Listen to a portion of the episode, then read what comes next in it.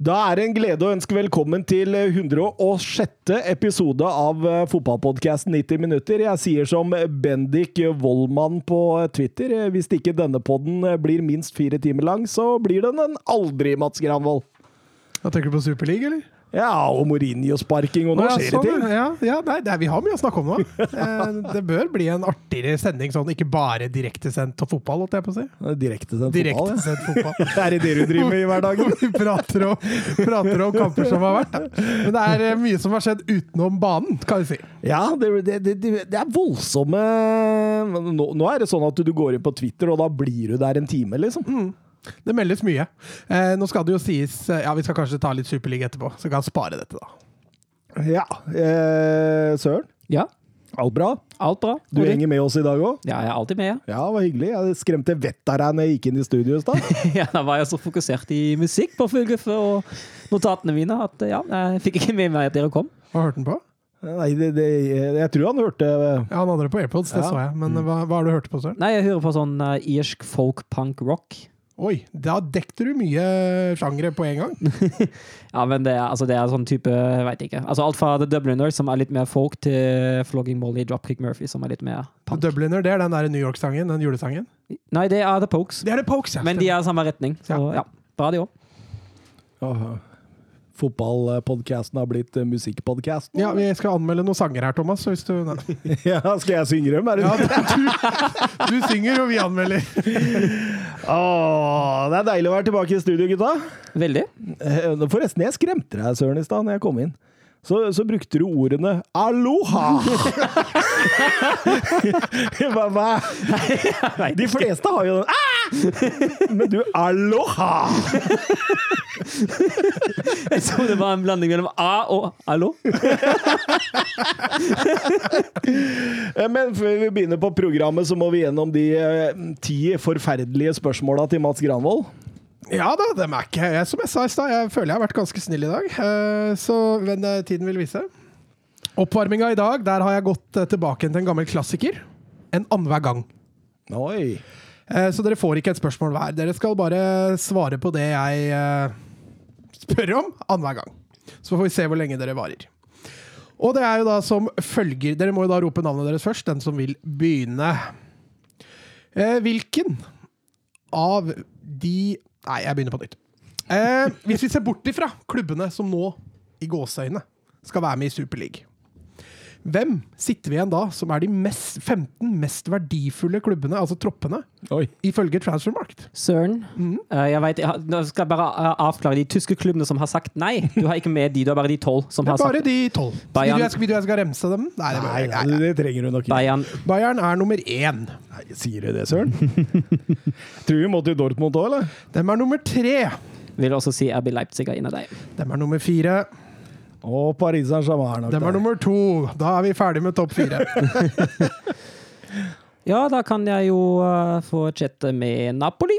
Den er nummer fem. Bra, søren! Skal jeg ta nummer seks, igjen nå? Ja, hvis du tar nummer seks nå, da hadde jeg blitt imponert. Eh, Inter Milan.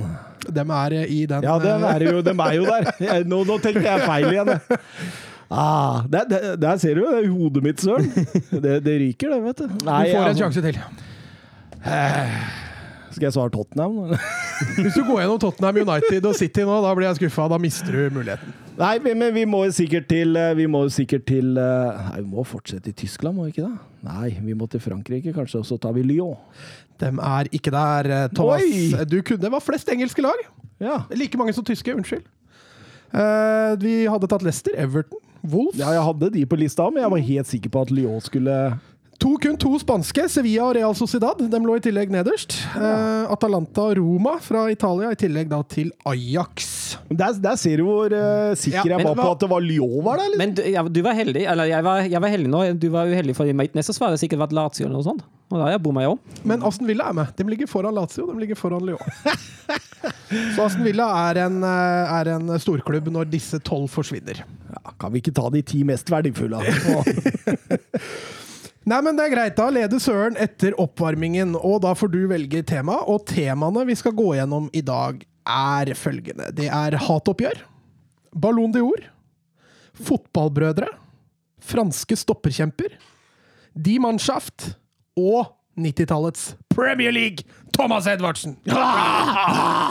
Og jeg gjør som følger. Jeg har allerede bestemt hva som er spørsmål 1 og 2, så han som velger tema, han får spørsmål 1 uansett.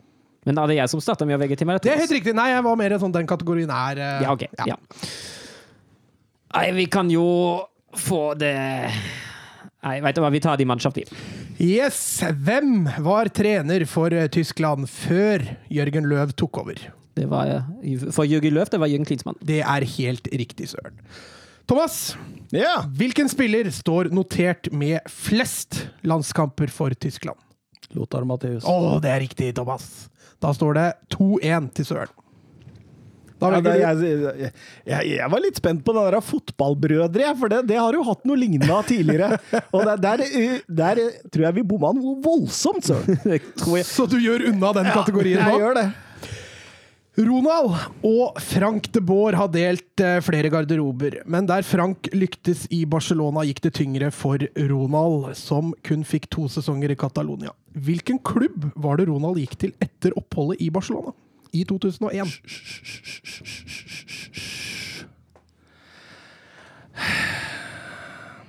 Var ikke han, eh, dro ikke han til Everton, da?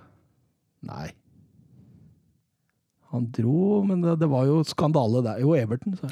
Ja, det var riktig farger på drakta, men feil land det var. det, Ja, jeg stoppa. Jeg tok meg i det. Men nå ga jeg deg jo et hint. Da. Du du ga meg et hint, men altså, jeg må jo innrømme at jeg har jo ikke Nei, ok. peiling, men jeg må jo gjette et eller annet. Altså, riktig farge på drakta, er det blå. men det er mange klubber som er blå. Jeg veit jo ikke hvor han har spilt engang, altså. Så, så mye følger med på Ronald Koeman. Nei, nei, jeg var på De Boer, ikke sant? Eh, Ronald de Boer, ja. Ronald De Boer, ja. Herregud. Nå rakna det hele. Han skal Ronald Boer, Uh, nei, Inter Milan, da. Det var eh, Glasgow Rangers han Det stemmer, det. Søren, Mhm. Fabio Cannavaro er et relativt kjent fotballnavn, men hva heter hans litt mindre kjente lillebror, med bl.a. over 200 kamper for Napoli? Å, herregud. Han heter selvfølgelig Cannavaro, men Ja, jeg skjønte det, Ja. men uh, åh. Uh, Daniele. Det er feil. Det er jo så feil. Jeg burde Fabio og Åh, det er så jernteppe nå! Det er ikke Nei, men, men fotballbrødre har dere aldri vært sterke i, så det her, dette, var, dette var ikke så veldig overraskende at dere driter dere ut her. Altså. Å, det der står så jæklig Fabio og Åh, jeg, ja, det, når du sier det nå, så blir jeg sur. Da går jeg. Men eh, jeg, jeg, jeg hva- Alessandro. Nei, det er feil. Det er eh, Paolo Canavaro. Vi skulle fram til Søren, har du en eh, kategori du vil ha? Ja, hva hadde vi igjen? Hatoppgjør, Ballon d'Or, eh, franske stoppekjemper og Premier League, 90-tallets Premier League. Oh. Hatoppgjør. Da går vi over på et eh, lite hatoppgjør der, altså. Hvilke to klubber møtes når det spilles Superklassiko? Superklassiko. Det er vel uh, River Plate og Boca Juniors? Det er riktig, Søren. Da er det 3-1.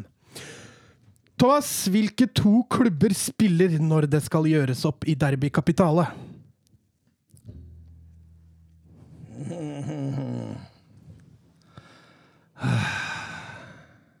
Kapitale. Eh, Roma Lazio. Ja! Det er helt riktig. Da er det tre Satt faktisk langt baki der. Kapitale, det var vel et lite hint i seg sjøl. Thomas, neste category. Ballon d'Or, franske stoppekjemper eller 90-tallets Jeg er så elendig på Ballon d'Or, egentlig, for det, der har aldri mine favorittspillere kjempa, så jeg får ta den, da. Det kan du gjøre. For hvilken klubb spilte Ronaldo da han mottok sin første Ballon d'Or? Cristiano Altså hvor han spilte når han mottok. Cristiano Ronaldo. Nei, gamle Ronaldo. Gamle Ronaldo. Det, det, det var bra jeg fikk fin- fin Det var bra jeg fikk klarert, faktisk. Eh, Men kan, kan godt hende svaret er det samme. Eh, Nei, det er det jo ikke. Han fikk din første Ballon d'Or i Inter Milan.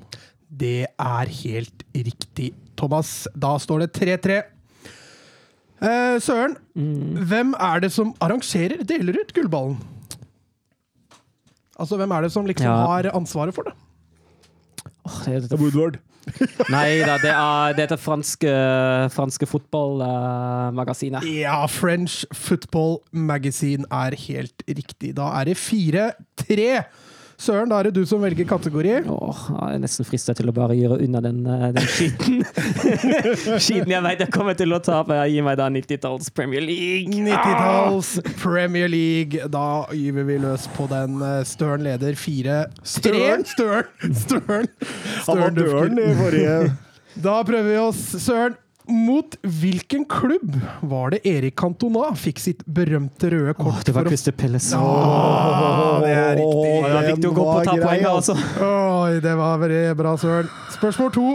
I 95-96 styrte Newcastle mot et historisk seriegull, men rakna mot slutten, og United vant. Hvem trente Newcastle dette året?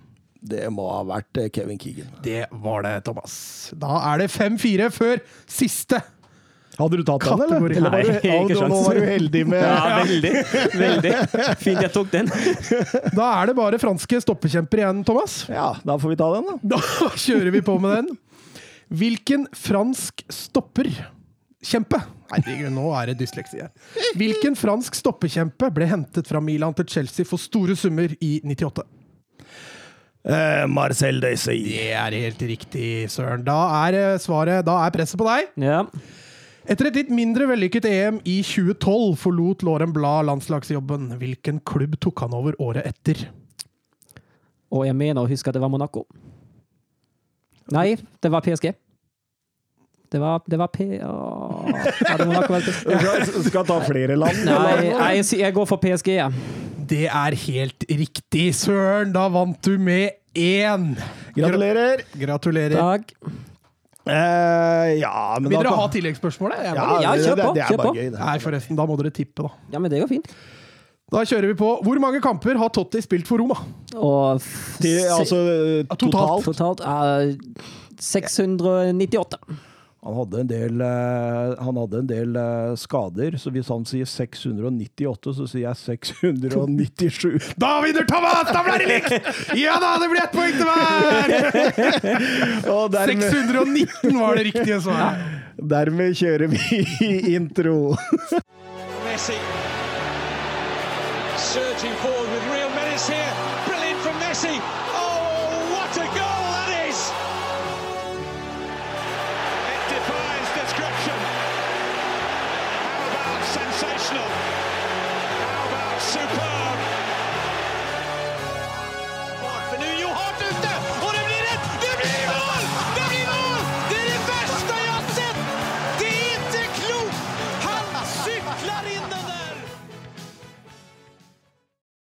Ja, og det naturlige å, å begynne med, da, det er jo selvfølgelig denne Super League. Vi fikk en del eh, spørsmål på Twitter. Eh, Jørgen B. Ready skriver bare 'Super League' med et eh, smiletegn bak. Vi, vi slang opp en uh, poll, gutta, på Twitter-sida vår, der eh, vi spurte om man bør være bekymret som fotballsupporter, og eh, hele 48 var bekymret. prosent, altså. Eh, 38 trodde det kom til å havarere, og eh, 14 eh, trykka inn knappen med 'bring it on'. Eh, det var i hvert fall ikke mange medlemmer av Pyro Pivo som trykka på den, tror jeg. Nei, Jeg vet ikke hvor mange medlemmer av Pyro Pivo som hører på denne podkasten, men Jeg håper minst det er én, i hvert fall. Hvis ikke blir jeg skuffa. Men eh, eh, søren. Super League, eh, hvorfor skal vi snakke om det?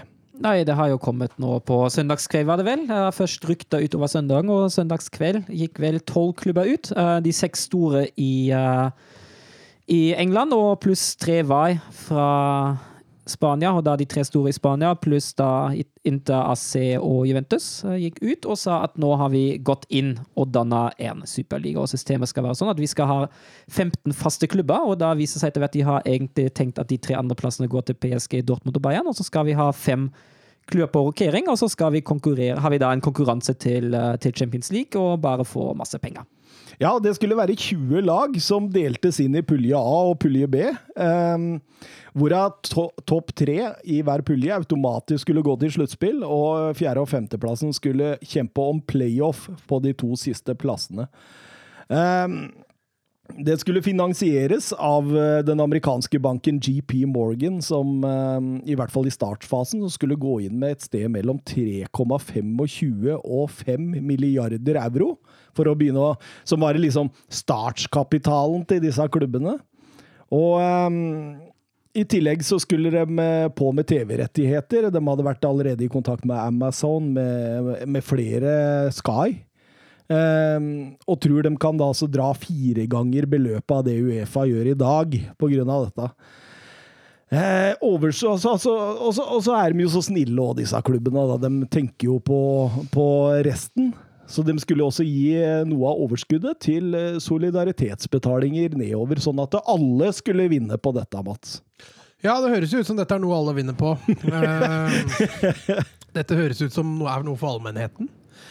Nei, jeg håper dette havarerer, egentlig. Jeg syns uh, hele greiene virker veldig prematurt. Jeg, jeg veit ikke om jeg har sagt det i den podkasten her før, men jeg tror sånn langt fram i tid så sitter vi med egentlig ganske internasjonale ligaer. Det tror jeg Jeg tror vi lander der til slutt. Typen sånn superleague. Ehm, men dette er jo altfor prematurt, og vi, vi er ikke der nå. Ehm, og det ser vi jo reaksjonene som har kommet i ettertid. Vi er ikke, vi er ikke i nærheten av å kunne ha noe sånt. Nei, altså, det, det, har jo blitt massiv kritikk eh, gjennom de siste dagene, både av fotballpersonligheter, Fifa, Uefa, klubbene, forbundene. Det, det har jo vært en voldsomt trygt, men Perez eh, altså, det, det er jo angivelig Perez i Real Madrid og Agnelli i Juventus som har starta dette her. Og de sier at eh, vet du hva, vi har eh, vært forberedt på absolutt alle scenarioer. Dere kan bare komme med hva som helst. Vi eh, kommer til å, å kjøre dette gjennom uansett. Men så tenker jeg det er noen kriterium her. Ja, det, altså det ene er jo det vi ser nå, eh, at det er noen managere som eh, går imot. Eh, Klopp og i hvert fall Guardiola har vært ganske tydelig mot de planene her.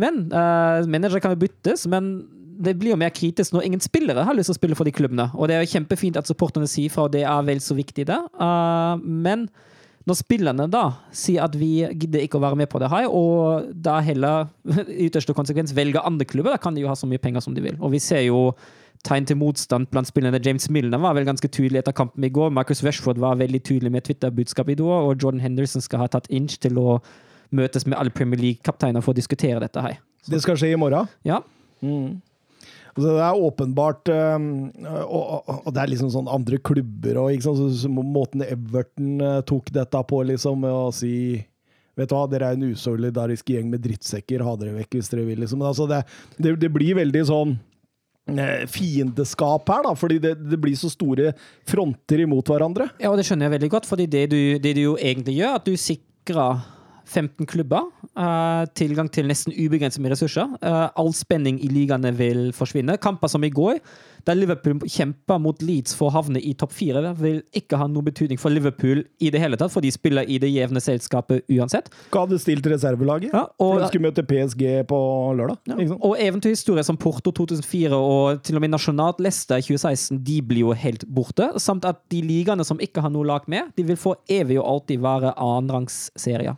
Men i verste fall, da, i forhold til dette her, så, så er det jo også blitt ganske klart at det er flere i Uefa og i forbundene som har trua klubbene med å enten sende dem ned i femtedivisjon, eller altså bare nekte dem all innpass i eh, ligasystemet.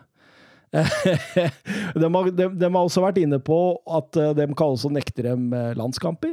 EM, VM, alt mulig sånne ting.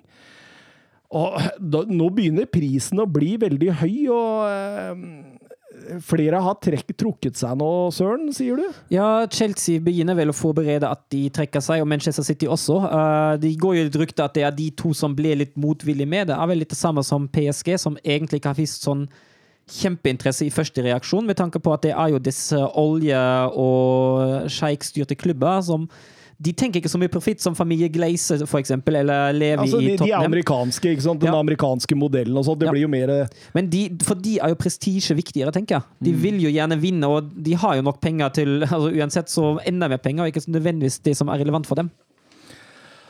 Hva tenker du, Mats?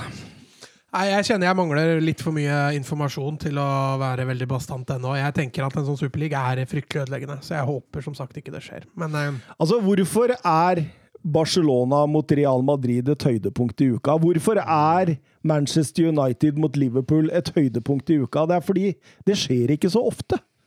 Det er to- blir, ganger i året. Ja, så du gleder deg. Men hvis vi skal hverdagslig, altså enten hver onsdag eller hver lørdag og søndag, det spørs hvordan de eventuelt ser på dette. Jeg skjønte vel det at de ville gjøre det i helgene. Og, nei, er ukedagene. Helgene er ligafotball, og ukedagene er ja, men det var flere av eh, meldingene som tyda på at de ønska Ja, off offisiell statement fra klubben er i hvert fall at de skal ha det i ukedagene som konkurranse. Altså i til, til, til eh, ja. men du har jo et poeng likevel, for ligaen blir jo helt altså De bruker bare reservelagene i ligaen hvis de merker at ok, nå er seriegullet så langt unna, og om vi da havner på fjerde eller tiende, har ikke noe å si. Nei, ikke sant? Det blir ikke noe som heter topp fire. og det blir... Det... Nei, så det, det blir jo veldig trist i så fall. Og... Ja. Og så ser man jo alle klubbene som ikke er med i det her, eh, spesielt da fra Jeg har ikke sett så mye fra Italia, men det er klart jeg har ikke så mye, ikke så mye interesser der. Men eh, Spania og England fryktelig mye reaksjoner. Jeg ser jo de nærmeste klubbene nå, til og med Real Betis fjerna jo Barcelona, Atletico og Real fra sin tabell på sin hjemmeside.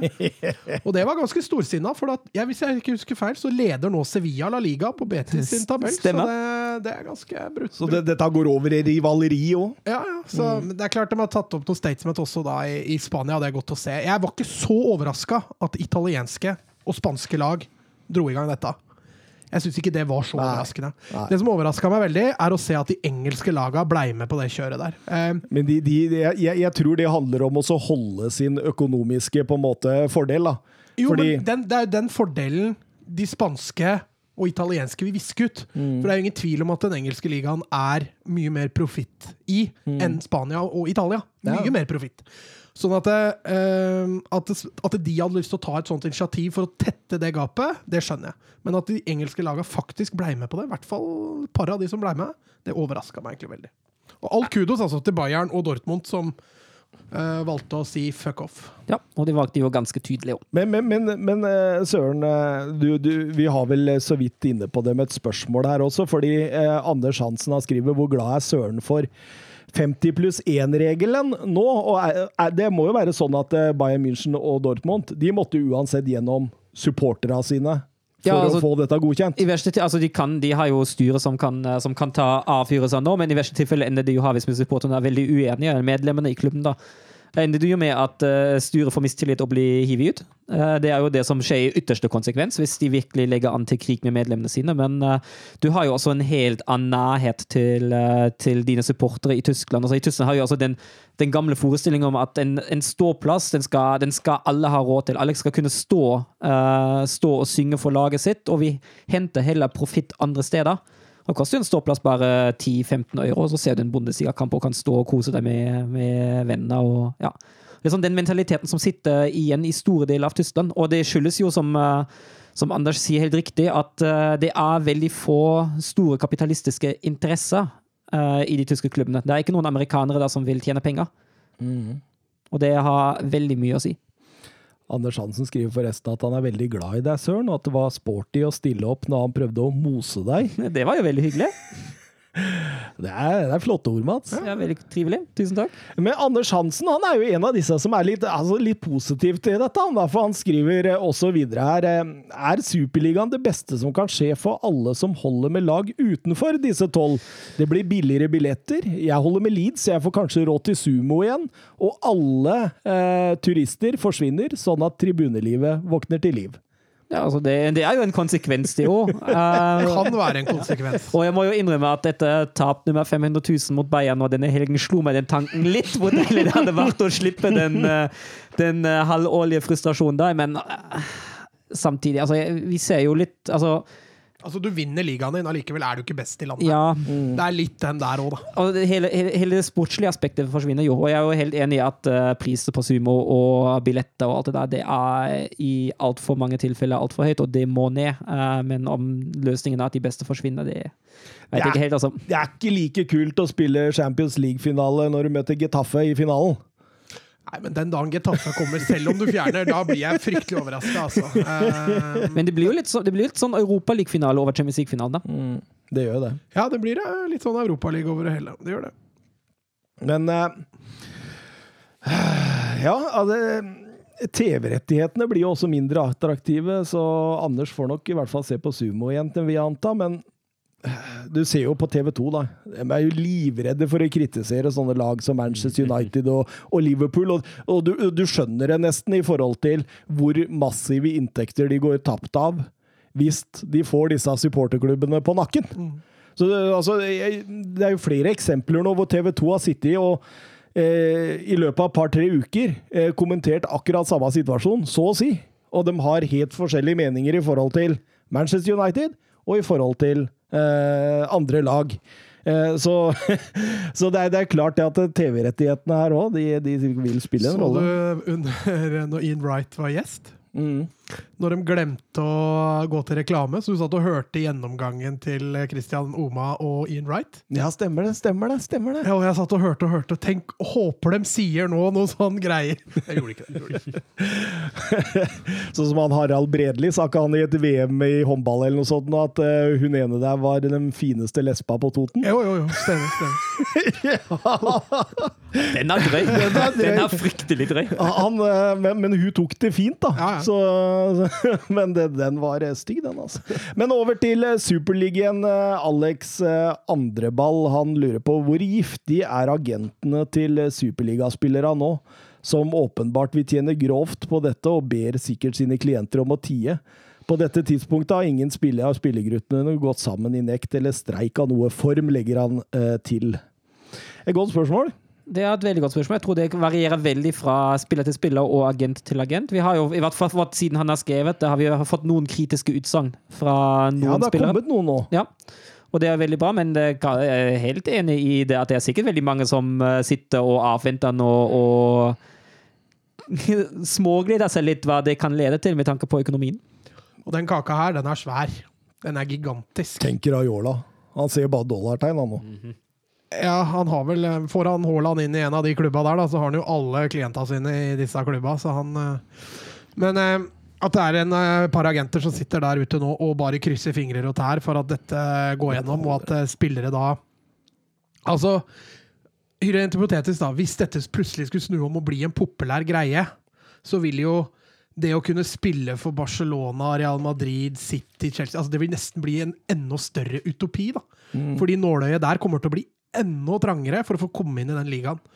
Um, så det å ha da spillere som er blitt interessert i deg, er sikkert kjempeviktig for agentene å prøve å få spillerne sine inn der. Og moralsk så er det jo sånn, mer penger inn betyr mer penger ut, og det betyr også mer penger i agenthonorarer. Sånn er det. Og mm, det er jo klart det at det det, det, det sitter nok en Raiola og en Jorge Mendes og, og Jonathan Barnett og bare gleder seg over dette her. Eh, Men eh, vi får se. Agentenes rolle blir jo å prøve å ta mest mulig penger av kaka som vanlig, og med penger så øker også overgangssummer og lønninger og, og Ja, det Ja, det, også det har jeg ikke vært inne på ennå, men de overgangene som de kan kjøpe for nå, altså de mindre klubbene kommer jo ikke til å ha Har ikke kjangs. Nei, nei, nei. For det første har de et sportslig tilbud som ikke noen andre kan matche. eh, Og for det andre så har de en lommebok som nå vil være uendelig. Mm. Altså Hvis det er en spiller de vil ha, så får de den. Ja, absolutt. Koronapandemi eller ei, altså. Men tenk for eksempel en Marcus Rashford nå, som har gått ut og meldt eh, absolutt sin, eh, sin ja, dårlige holdning overfor dette, på en måte. Eh, tenk hvis dette vil bli en realitet. Hva, hva tror du spillere kan presse overganger ut for å komme til Leicester? Ja, Det er et veldig godt spørsmål. Eh, Jeg er eh, Jeg håper, men greia, da Det holder ikke med en Rashford og en Henderson. Nei. Det blir ikke nok til å velte det tårnet. Du må ha, du må ha de store gutta som må ut. Altså, du må ha ja, Lewandowski er feil eksemplar, da, for Bayern er ikke med. Men du må ha de største spillerne. Haaland kunne Ja, gjort en ah, forskjell. Ja, men han er ikke med, han heller. Nei, men at han nekt, sier Ja, at ja, jeg sånn, nekter å gå til noen av de klubbene Det, nå. det Brøne, hvis det brønner plutselig sier hvis dette her blir en realitet, vil jeg vekk fra City. Sånne Ja, ting og da. hvis Bruno Fernandes sier nei til dette gidder jeg ikke, eh, og Salah og gutta i Liverpool, eh, Messi og gutta i Barca eh, Hvis alle disse lager et standpunkt, da kommer dette til å bli skrina. Det er jeg Mm. ganske sikker på. Men, men, men så, når, når vi snakka litt her før vi gikk på sending, så fikk jeg liksom inntrykk av at dette kommer ikke til å gå. Nei, det virker jo litt sånn nå at hvis Chelsea og City allerede trekker seg ut sånn etter to dager, da kollapser jo hele systemet. Og så skulle vel Barca ha en, en, en eh, Ryktes om det, ja. At de skal la medlemmene bestemme. Mm. Og da er det jo tapt. Nå skriver en, jeg vet ikke hvor god kilde det er, men nå skriver, skriver et eller annet engelsk blad at eh, de skal møtes alle tolv i morgen og rådføre om framtida. Så det kan, kan virke som at det begynner å kollabere allerede. Men, men, men Agnelli og Perez sin rolle i fotballen framover, hvis dette ryker Ja, Perez har akkurat vunnet valget i Real Madrid. Altså, Mm. Han er jo sikra presidentskapet i Real i de neste fire åra. Men han vil ikke få noen tjenester av Uefa mer? Nei, det tror ikke jeg heller. Jeg tror de stiller i svært dårlig lys. eh, Og det han godeste Uefa-presidenten sa om Agnelli, var jo ganske brutalt, da. Han gikk ganske hardt i strupen på, på Juventus-direktøren. Eh, Men det, det skjønner jeg jo, da. Han er jo faktisk, eh, han Ja, er jo altså, faktisk jeg- gu- gudfaren til dattera til Agnelli. Ja, men, men jeg tar liksom jeg, Som igjen sagt, da, jeg, jeg tar det med en klype salt. Altså. Jeg, altså det, ikke det at han er gudfaren, altså, men, men hva som har blitt sagt mellom den på tomannshånd mm. det er en gjeng med kjeltringer, hele gjengen. Det er det ingen tvil om. Men eh, eh, jeg tror i hvert fall uh, Perez og Agnelli har havna i veldig dårlig lys, og at de kan få litt gjennomgå. Jeg ser det er veldig blanda i Spania, i hvert fall. Noen syns dette er helt topp, eh, andre er mer pessimister. Jeg har på inntrykk av at eh, hele England er imot, jeg, utenom Ja, klubbeiere. England og Tyskland er ordentlig imot, mens i Italia ja, Italia kjenner jeg ikke så godt til, men i hvert fall Spania da er det delt. Mm. Mm. Ehm, vi kan gå over til ehm, et lite morsomt eh, ja, sidetilleggskudd eh, i forhold til denne debatten her, fordi Sander Midtstuen på Twitter han eh, skriver forslag til en engelsk eh, landslagselver i EM om eh, superklubbene ikke får stille spillere. Den er litt interessant. Mm. Sånn kunne vi hatt om alle I hvert fall Spania, og Italia og England. Da. Men hvordan vil The Three Lions se ut i sommerens EM dersom spillere fra Tottenham, Arsenal, City, United, Chelsea og Arsenal ikke får delta? Da kan jeg bare komme med et lite innskudd før vi starter der. Mm. Nå viser det seg at Edward Ward trekker seg Oi! pga. kaoset. Trekker seg som Direktør i United. Det melder, det melder VG nå for åtte minutter siden at Woodward er ferdig. Live! We go live to Manchester! Tenk det, ja!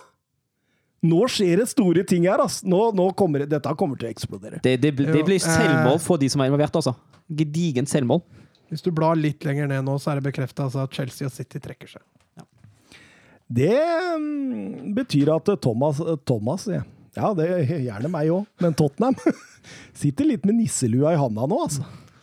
Ja, det gjør jo Liverpool òg, syns jeg. Ja, men eh, Liverpool har likevel amerikanske eiere, og du skjønner hvordan veien har gått. Men jeg tenker i forhold til Tottenham, da, som jeg åpenbart tror har sittet på kne og spurt Agnelli og Perez om vær så snill, vær så snill, kan du ta oss med? Mm. Jeg har litt følelsen av at det er sånn. Mm. Og da da har du tapt litt ansikt, altså. Nå har du det, ja. Når det forsvinner én etter én. Står du der igjen sammen med Real Madrid og Juventus. Vi danner vår øy! Nesten Superleague, skal de kalle det. Almost Superleague. Men dette eksploderer. Vi, vi får gå inn på, på sosiale medier mot slutten av sendinga igjen, så får vi ta opp tråden og se om det har skjedd noe nytt. Ja. Eh, veldig, veldig artig. Men eh, over til det engelske landslaget uten eh, disse superleague-laga. Eh, Blei vi enige om et lag, eller? Ja, vi skal, skal, vi, skal vi gjøre det? Vi kan jo starte på keeperplassen, da. Og da, er jo, da har jo ikke det egentlig noe å si. For da hadde, egentlig bare Henderson. ja, men da hadde jo Pope eller Pickford, og jeg hadde, jeg hadde fortsatt gått for Pope, ja. Men ja. Det hadde jeg òg, også. Ja, istemmes. Vi bør sikkert ikke ha en sånn, sånn en nå, men vi, vi bare kjører igjennom. Ja. Kjør gjennom du, Søren, så skal vi se om vi har Ja. noen eh, Eh, Jeg kan jo starte på venstrebekken. Da var det jo eh, litt verre, som du sa før sendinga, Mats. Da forsvinner jo både Chilwell og Shaw. Uh, og da sitter man jo i venn med alternativ med Target. Uh, bra sesong i Villa i år. ja, bra sesong. Og, Selv om Mats ikke syns at han er bedre enn eh, Birger Meling. ja, og ja, men jeg hadde Altså, jeg, jeg tror jeg hadde gått Ja, men hadde Birger Meling vært i Villa nå, så veit du at Target han sitter på benken. Jeg tror jeg hadde gått for Target, jeg. Altså. Jeg tror det. Foran mailing òg, eller? Ja.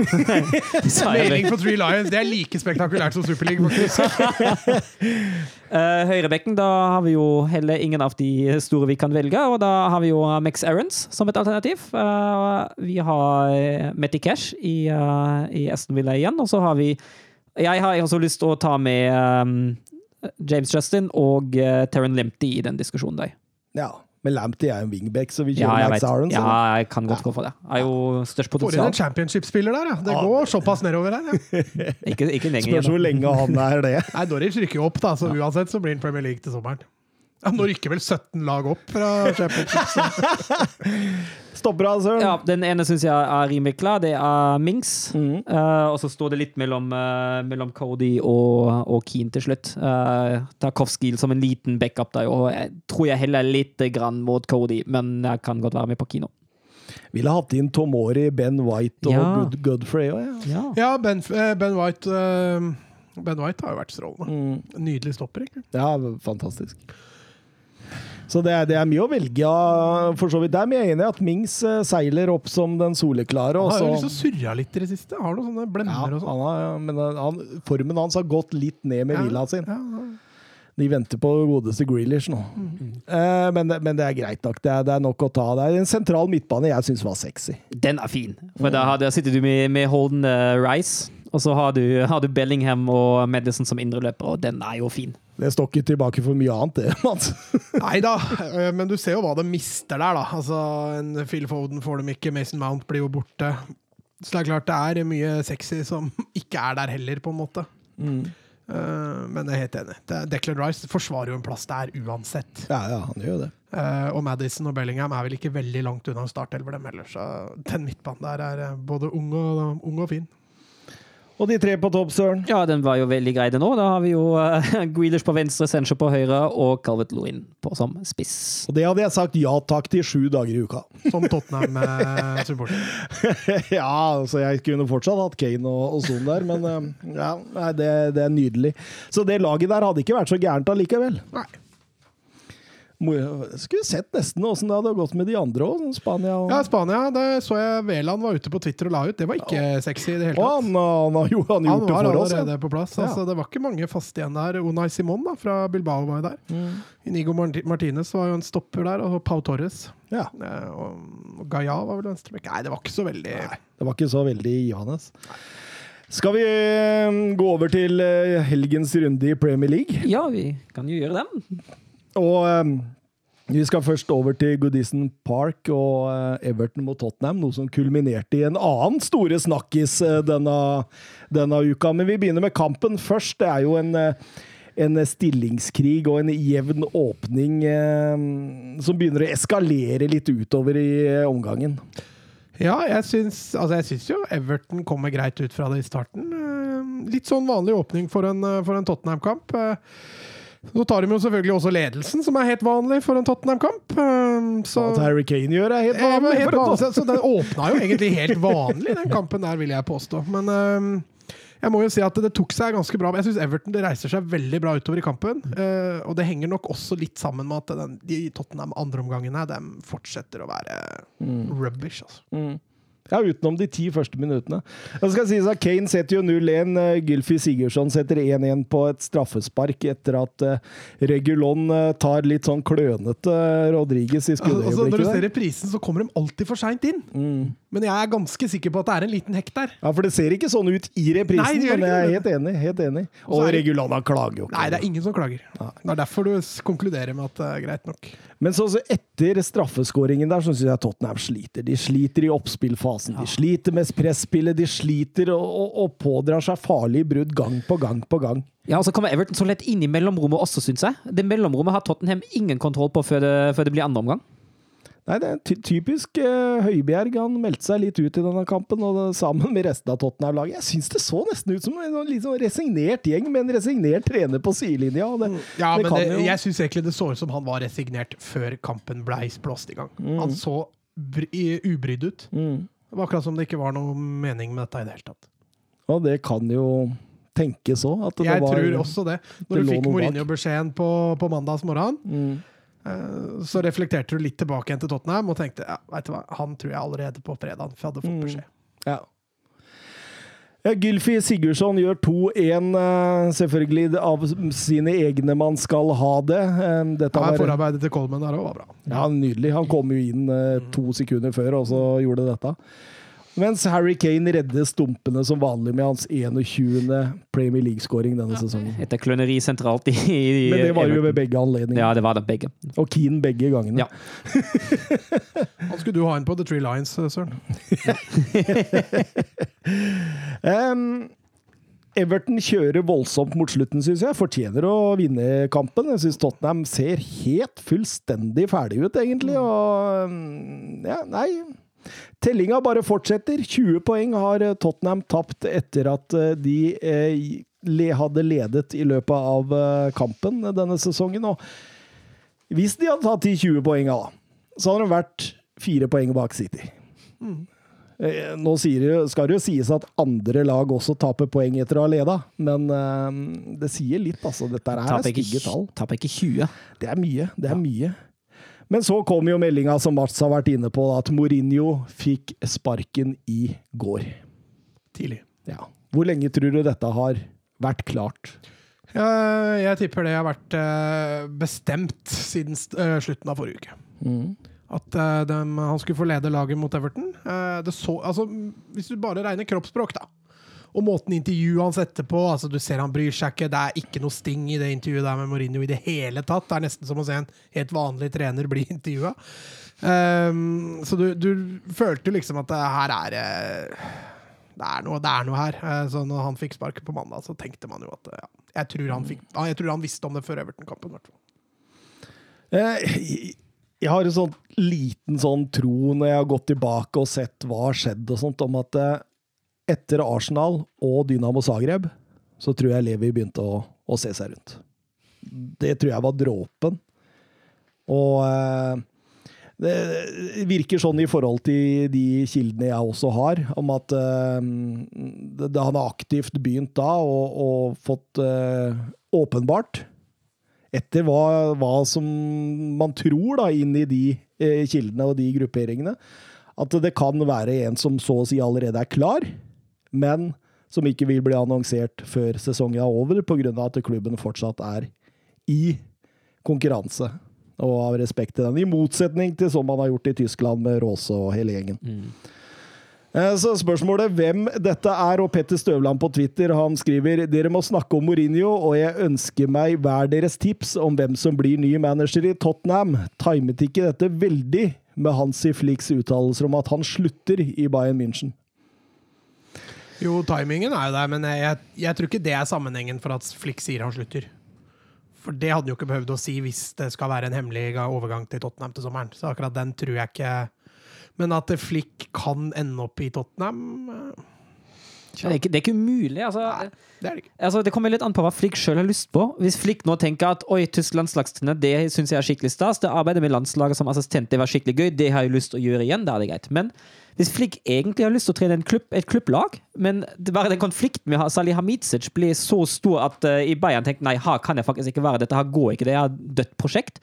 Da tror jeg Tottenham har gode sjanser. Altså. Det kommer litt an på, Jeg veit ikke hva Flick vil. Uh, det har han jo ikke sagt. Han har sagt, bare, bare sagt at han ikke vil være i Bayern noe mer, og han ser jo litt sånn ut som den opplagte kandidaten til tyske landslag, men det er ikke sikkert at han nødvendigvis absolutt vil trene et landslag nå. Det Støvland kan mene med timingen her også, er jo det at eh, Bayern nå er ute etter en trener, og at deres soleklare førstevalg er Nagelsmann, hos en trener som også er hardt linka til Tottenham og har vært liksom jevnt eh, snakka om i løpet av hele 2021, egentlig. Eh, og at Tottenham da vil prøve å komme Bayern i forkjøpet med dette, og om de eventuelt da har klart det, da. Og Jo, men det kan du også gjøre selv om du har Mourinho som trener. ja, men den garderoben tror jeg har vært ganske giftig nå. Det kan godt hende, men da er jo det grunnen til at Mourinho går. Mm. Ikke fordi de er på jakt etter Flikk eller uh, Nagelsmann. Eh, at Levi allerede kanskje har etablert en, en samtale med både Flikk og Nagelsmann, det kan godt hende. altså. Er vanskelig å si, altså. Men, men du så en Mourinho som var rimelig resignert mot Everton. Eh, og du så Kane var vel ute på Twitter og takka for samarbeidet. Så Ja, nei, det skal bli spennende. Mourinho sin biografi den er jo allerede på 270 bind. Så det her er jo bare et nytt bind i den kategorien. Så det skal bli spennende å lese om den eh, avgangen der. Det er voldsomt spennende i hvert fall å se hva som skjer. Eh, Ryan Mason og Chris Powell tar over ut sesongen. Det er en 29 Ledley år Kinga, er han ferdig, han, eller? Nei, han fikk ikke fyken i hvert fall. Han var ikke en av de som Tottenham lista opp der som eh, Sacramento-gjengen. Så, eh, men han var jo en ambassadør som eh, blei bare tatt inn i trenerteamet av, av Mourinho, så jeg tenker at Det var litt synd nå, for du skulle jo ha en evaluering av Mourinho når, til sommeren. mm. Det slapp du nå. Ja, jeg slapp det, men, men, jeg har jo, hadde jo mine tanker. Ja, ja. ja. Allerede klart, liksom. Det, uh... Men jeg husker jo, du var jo Nei, du var ikke positiv, det er å ta i. Men uh, du var avventende. Jeg var spent. Du var avventende. Og da hadde du allerede hatt Mourinho en halv sesong. mm. Uh, så, men jeg, jeg tror du også ble litt overraska når han fikk fyken. Ja, for jeg, jeg har sagt tidligere i denne podkasten òg at jeg tror ikke han får fyken før etter sesongen. Mm. Så jeg var litt overraska på det, så jeg lurer liksom på Altså hvorfor. én uke før ligacupfinalen. Ja. Men, men jeg tror jo, altså for å være helt ærlig hvis en, altså Jeg er med på det med, den at, med atmosfæren i garderoben, for det er jeg helt enig i. Jeg tror den ikke var særlig bra. Jeg tror Mourinho har klart å få laget litt mot seg, i hvert fall de viktige spillerne. Ja, har kastet, så mange, mange av dem er kjørt over av bussen 100 ganger. Så det begynner å bli rimelig lei den bussen. Ehm, og altså jeg tenker jo at med tanke på ligacupfinalen altså Ja, City er fortsatt favoritter, men jeg tenker at sjansen til Tottenham økte nå etter oppsigelsen til Mourinho. Og jeg mener også at sjansen til Tottenham til å kanskje klare topp fire likevel økte, selv om eh, det ser rimelig håpløst ut. Ja, jeg tror i hvert fall mulighetene for å få en liten oppsving nå er langt større enn det den var hvis Mourinho hadde sittet. Satt en ydmyk eh, Ryan Mason i, i, i eh, pressekonferansen før Southampton-kampen i morgen. Han eh, 29-åringen som stort sett har leda ungdommer og, og barnefotballen i Tottenham der. Eh, Jeg kjenner jo klubben, har vært der i 20 år. Han var jo et stortalent der, husker jeg. Mm, ja, ja. Og han slo igjennom under Pochettino også. Og så eh, ble han jo solgt til Hull etter hvert, og det var der han fikk den hodeskaden som gjorde at han la opp veldig tidlig. Men da er han eh, den yngste treneren i en, eh, de Premier ligaene- League-klubb, i de ligaene vi følger. Ja, det må han kanskje være da, når han er leder laget i morgen. Frankrike. Ja. Hvis han leder laget i morgen, 29 år, jeg tror ikke det er noe som slår det.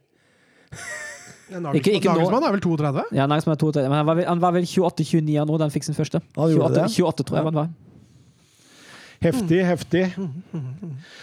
Eh, men eh, Støvland, han vil ha et lite tips, han, om hvem som eh, vi kan, vi, det, det, er jo nesten helt umulig å si. Altså, eh, Bladd litt gjennom odds-favorittene der. Har funnet Nagelsmann, har funnet Brennan Rogers i Leicester. Eh, som var litt sånn Når han fikk spørsmål om Superleague etter, eh, etter semifinalen i FA-cupen, var litt sånn Han ville ikke helt si hva han mente om det, og det folk som trekker slutninger ut av det.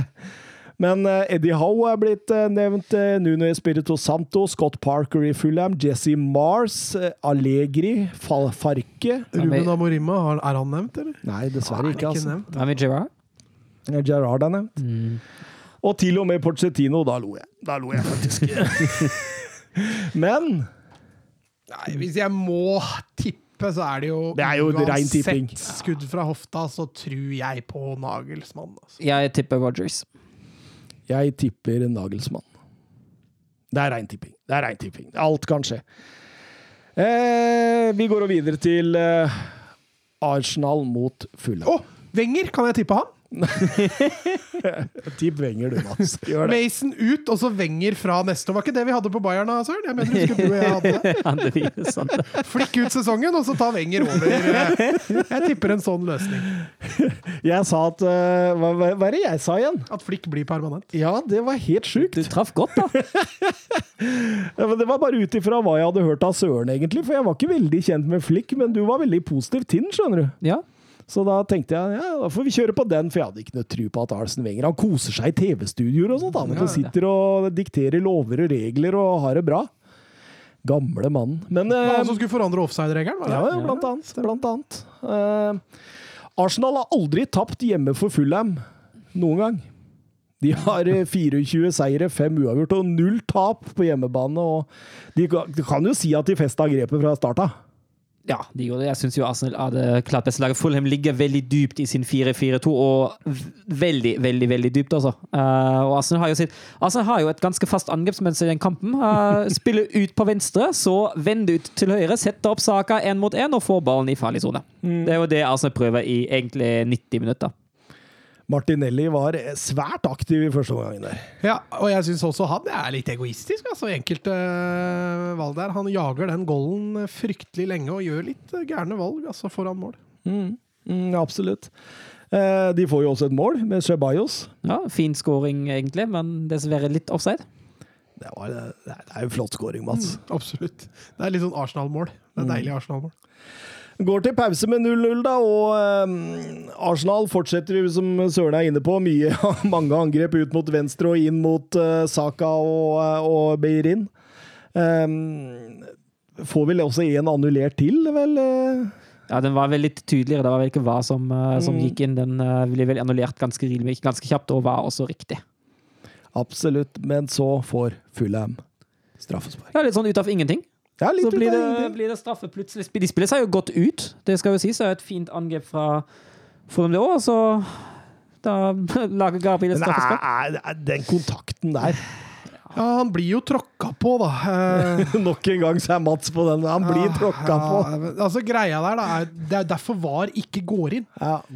Fordi og det, og det er, Dette har vi sagt en million ganger, føler jeg, men hadde den ikke dømt, så hadde VAR heller ikke gått inn.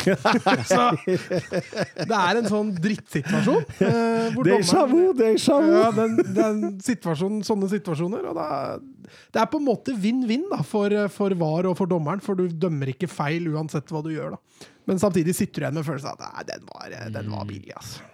Josh Maya banker den opp i nettaket, sender Ryan feil vei, og da var det det 87. straffesparket i Premier League denne sesongen. Det er likt med rekordsesongen 06-07, da det også ble gitt 87 straffespark, så det er åpenbart at dette Det er mulig den blir slått nå, da. Den blir nok slått ganske heftig, tror jeg, for det er vel sju-seks runder igjen. Sju runder. Det er ikke rart med tanke på hva det ble ble blå straffe for de første serierundene med alle de hensene. Det var jo inflasjon av straffespark i begynnelsen. Ah. Men eh, Arsenal, Ja, de eh, Reiste seg, var det det du skulle fram til? Altså, de kjører jo kampen nå. Det har de gjort hele kampen, eh, så det var ikke noe sånn voldsomt. Men, men jeg syns jo Fullern blir altså de, Det er som Sørskjell, de var veldig lave hele kampen, men mot slutten altså, Du er, går ikke an å gå lavere uten å rygge inn i eget mål.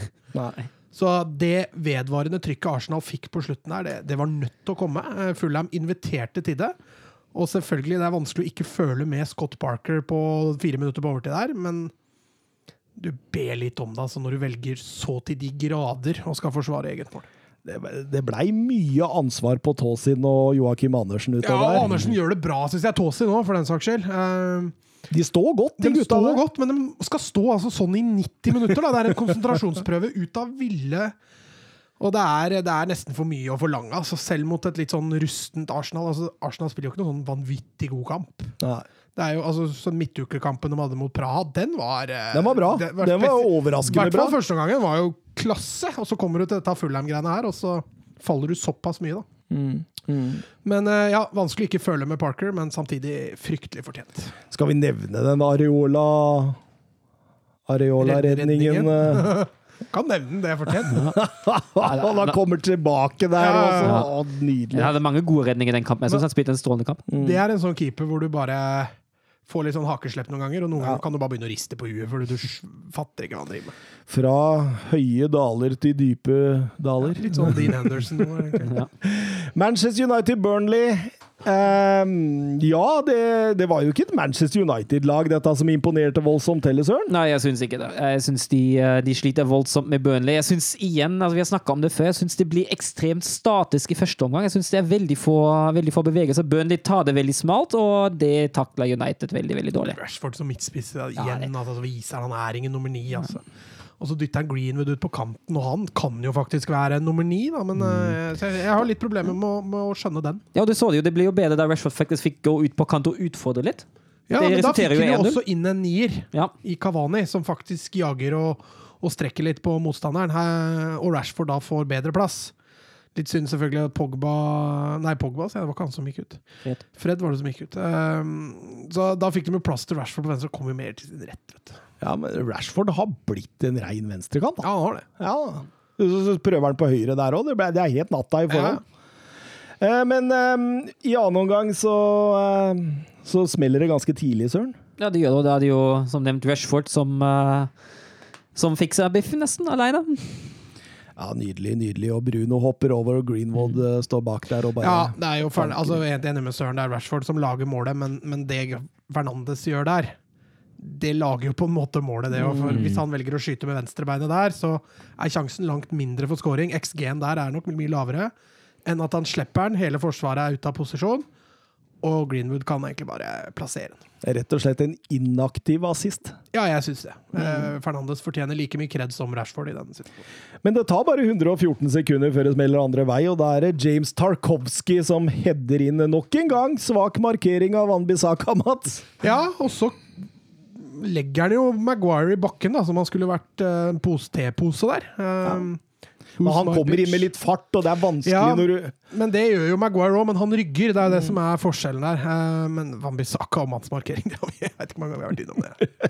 Der er det, apropos Rashford og høyrekant, så er det mannsmarkering og Wambisaka. Det er like mye natta. Altså. ah, Det er deilig, Søren. Det er Det er deilig, deilig med Van Bissaka. Diss, ja, men det er så mange som skryter så hemningsløst av hans defensive egenskaper. Ja, Men det er pga. Ja, ikke sant? Det er jo det som skjer én mot én. Der er han strålende. Der er han kanskje en av ligaens beste.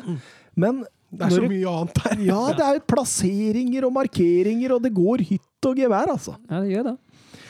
Eh, likevel, du ser jo utover i omgangen der nå at Burnley selvtillit vokser og vokser og vokser. og jeg, tenker kanskje det var litt til pass for dem. Det, for det, det brøyt litt med Burnleys inngang til kampen. Plutselig så fikk de troa på at her kan vi ta tre også. Og da blei det mer rom for Manchester United. Ja, det utnyttes jo. Selv om jeg synes jo det, det er jo en litt heldig scoring, den, eh, den andre til, eh, til Greenwood. da. Det er en, eh, jeg mener jo at Burnley er litt maks uheldig på den, med tanke på at den blir jo, går jo via en spiller og så uttakbart. Mellom beina på Taylor og via Cork Ja. og inn i mål, så det er, det er jo det er marginer. Det er det. Og ja. Så litt synd, litt synd for Burnley. da. Det er jo sånn Burnley liker å forsvare seg. da Kaste seg inn i skudd. Ja. At du får noen baklengs på det der, eh, det er jo ting Burnley åpenbart trener på. Noen ganger så går det, går det rett og slett ikke. Og da, etter 2-1 der med Greenwood, så er det jo da, da da er det så mye rom at United kunne gjort 3, 4, 5, 6, 7, men det blei med den bare Cavani. Men kan jo berømme den 3-1-skåringa. Det er jo et flott spill. Det skal jo sies. Jo, men det er, det er så mye rom jo, at det, det, det, det er Lillestrøm kunne gjort det der, der med så mye rom. det Er du sikker?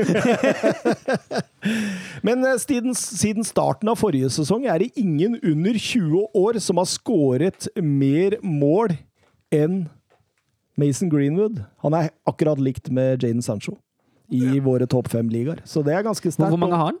15. Oi, ja, det er. Og um, han leder eh, Premier League historisk eh, U20-toppskårer, sammen med eh, Wayne Rooney. Ja. Så det kan godt hende han tar den alene etter hvert utover sesongen. fordi husker også sist sesong at han var sånn der ah, Kom på slutten av sesongen.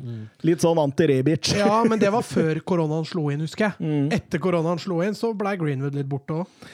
Ja, og så kom sommeren, og så herja han med noen islandske damer på hotellrom og Ja, sånn. det så var ble det var ikke med United.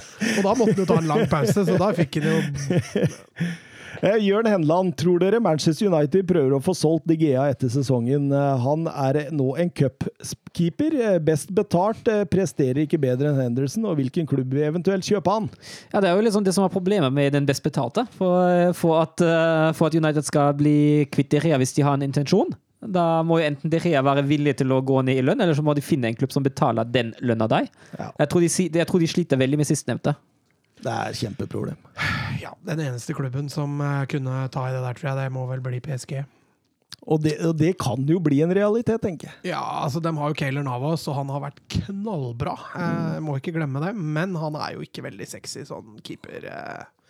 De Gea det klinger mye bedre nedi disse oljeøra nede i Sjeikeland der. Ja. Så det er vel det eneste. Altså i, I Spania, så både Barcelona, Real Madrid og Atletico har jo verdensklasse keepere, så det har jo ikke noe bruk for De Gea. Eh, og Tyskland, bortsett fra Bayern, har jo ikke råd til å kjøpe De Gea, tror jeg. Nei, Jeg tror ikke engang Bayern hadde tatt seg råd til det. Der. Nei.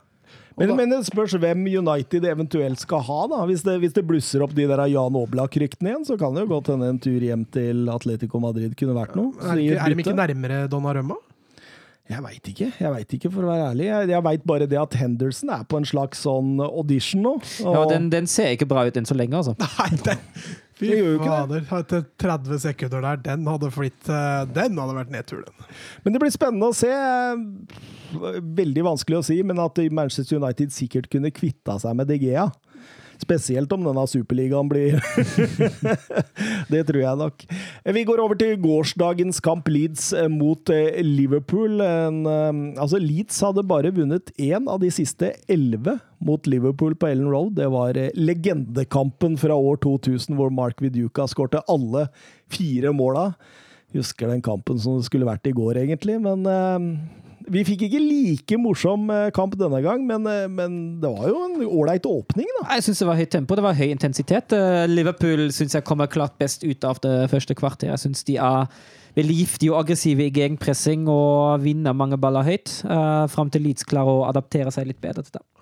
Ja, tempoet i den kampen var skyhøyt, faktisk. Kan jeg ta opp vinduet, eller? Ja, jeg kan gjøre det. Ja, du gjør det.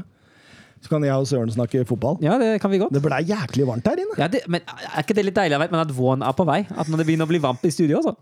Jo, men altså, nå har vi sittet her med den der panne i lommen og, og fryst i lange tider, Ja. og så plutselig nå så fikk jeg bare sånn hetetokt over meg. Problemet er at Søren begynner å fryse snart, så han setter på ommen. Men kan ikke dere snakke Leeds Liverpool, så tar jeg og kler av meg, holdt jeg på å si. Oi! Ja, Da snakker vi om det isteden. For nå går genseren, eh, folkens. Nei da. Eh, Nei, jeg syns det var et eh, veldig høyt tempo i den kampen. I hvert fall i starten. Liverpool var Det var litt gode, gamle Liverpool i starten. Og som Søren sier, når fort Leeds fikk justert seg litt, så blei det litt jevnere. Og kampen blei også litt kjedeligere, faktisk. Det var en keeper i Leeds-målet der som heldigvis holdt spenninga oppe. Ja, Han surer surrer jo kraft, altså ikke bare på baken, han surrer jo kraft i hele kampen òg. Ja, han sliter utover de andre omgang. Han gjør noen blemmer der. Nei, Han starter jo- han starter med blemmer òg. Ja, ja. Når eh, Mané setter 1-0 der i første omgang, så er det hans Det er bra gjort første av Arnold òg, da. Ja, det, absolutt. vi skal ikke glemme den, den prestasjonen Jeg der. syns generelt Arnold gjorde en god kamp. Mange fine løp fra dyp og inn i god posisjon. Absolutt. Jeg syns Arnold var en av hans bedre denne, denne sesongen. Eh, inntil pause der og ut av den igjen, så er Liverpool eh, kommer jo best ut. Men så, så skjer det noe midtveis der. Eh, Leeds girer om, Leeds tømmer seg, til Leeds flytter opp bekker. Leeds eh, kjører på for alvor og produserer noe voldsomt med sjanser.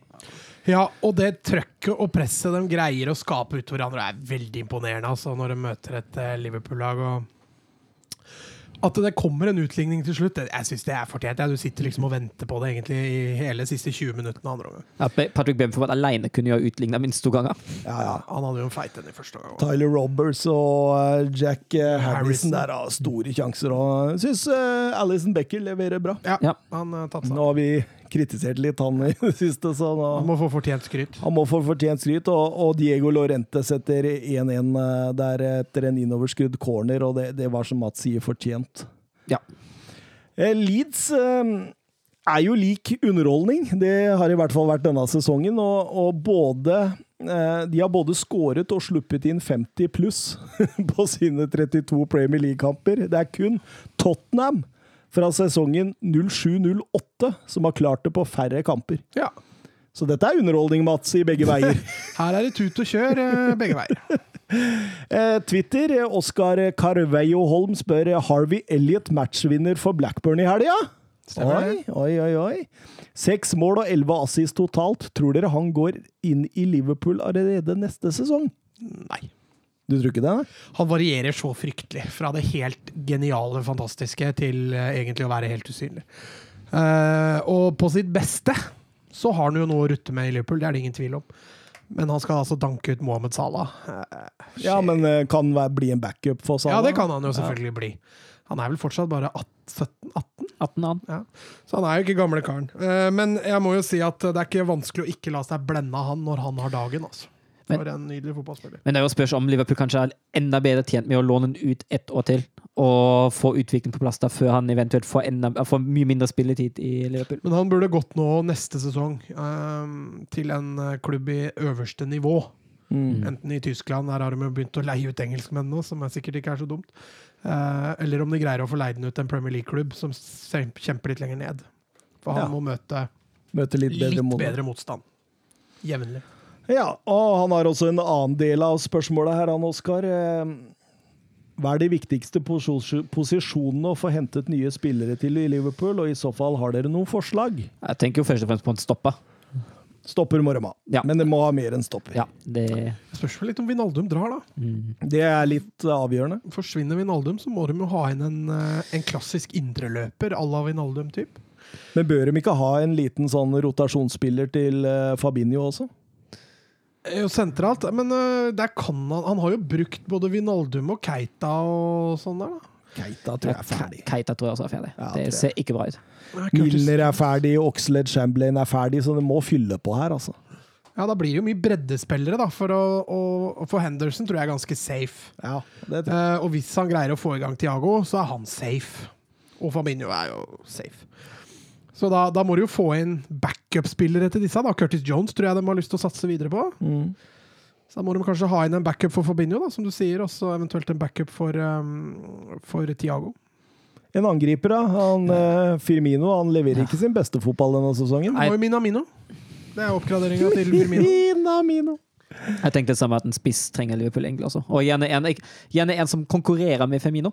Ja, og når vi veit at Jota flopper neste år, så er nok det lurt. Ja, men jeg, tenker, jeg tenker også litt mer på Jota altså, Han kan jo spille spiss overfor alle, men jeg tenker litt mer på, som en kantspiller egentlig på Jota som et alternativ ute.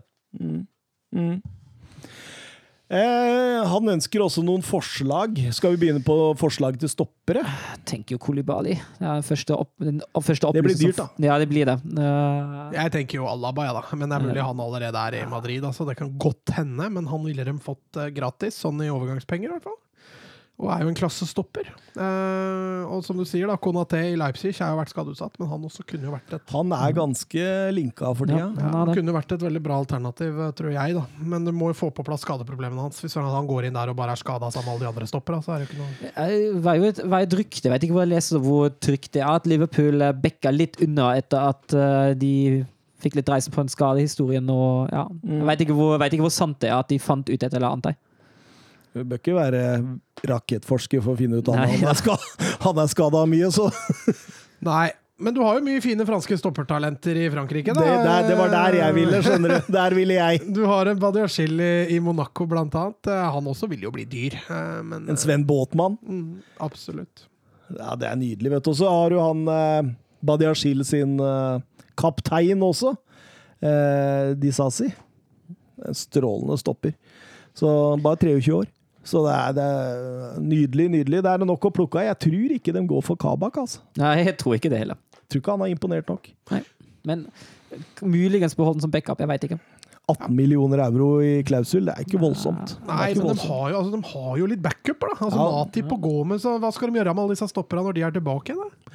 Det blir spennende. Eh, Sentral midt, da finner vi noen. Eh, rotasjonsspiller til Fabinho. Ja, til Fabinho. En som er komfortabel med å sitte på benken med Nei, den er jo vrien. Ja, den er det. Bizuma var det første jeg tenkte på. Strålende spiller i Brighton. Ja, kanskje. Han blir også dyr. Kjøpe spillere fra Premier League-klubber. Det er ikke billig, altså. Indreløper, har du noen navn, eller?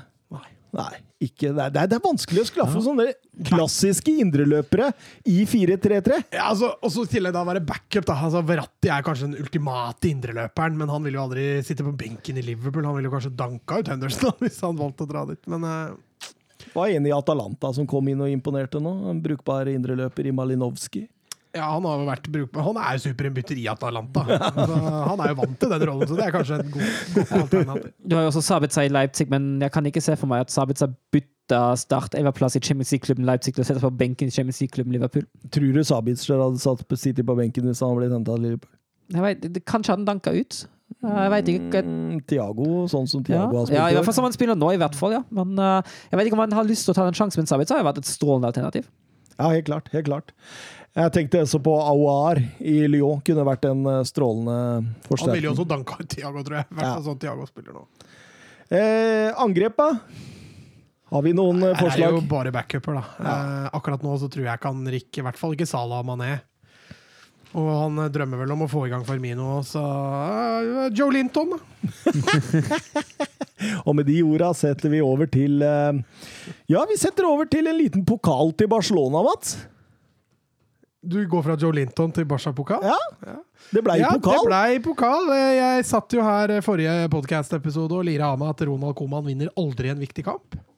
Det skjedde nå for første gang i denne helga her. Eh, ikke all verdens motstand, det bør nevnes, men eh, 4-0 over Bilbao, det var eh, fryktelig fortjent. Inkludert en kjempefin skåring av Lionel Messi. Ja, to fine skåringer. Eh, Det var egentlig fire fine skåringer i Barcelona den kampen. Jeg var strålende fornøyd, jeg. Men jeg blei veldig skuffa over Bilbao, altså. Ja. Fryktelig skuffa. De, dem var ikke på jobb i det hele tatt. Nei. Skal det sies at Barca var gode, men den var ikke så god at Bilbao bare kunne legge seg på rygg og si vær så god, altså. Didrik Tofte Nilsen han lurer på blir det Koman-dikt nå med pokalen. Nei, det jo ikke det, Didrik. hvor, Nei, hvor ofte har Didrik spurt om det? da, Didrik, det sitter så langt inne å lage et Koman-dikt, altså, for jeg er ikke overbevist ennå. Er... Men han sier jo ikke om diktet skal være positivt eller negativt. Det kan være nøytralt òg. Ja, men uh, Vent og se-dikt. Ja, vent og se. Nei, ja, det blir et vente og se-dikt etter hvert, i hvert fall. Men hvis de vinner ligaen, da kan du love dikt.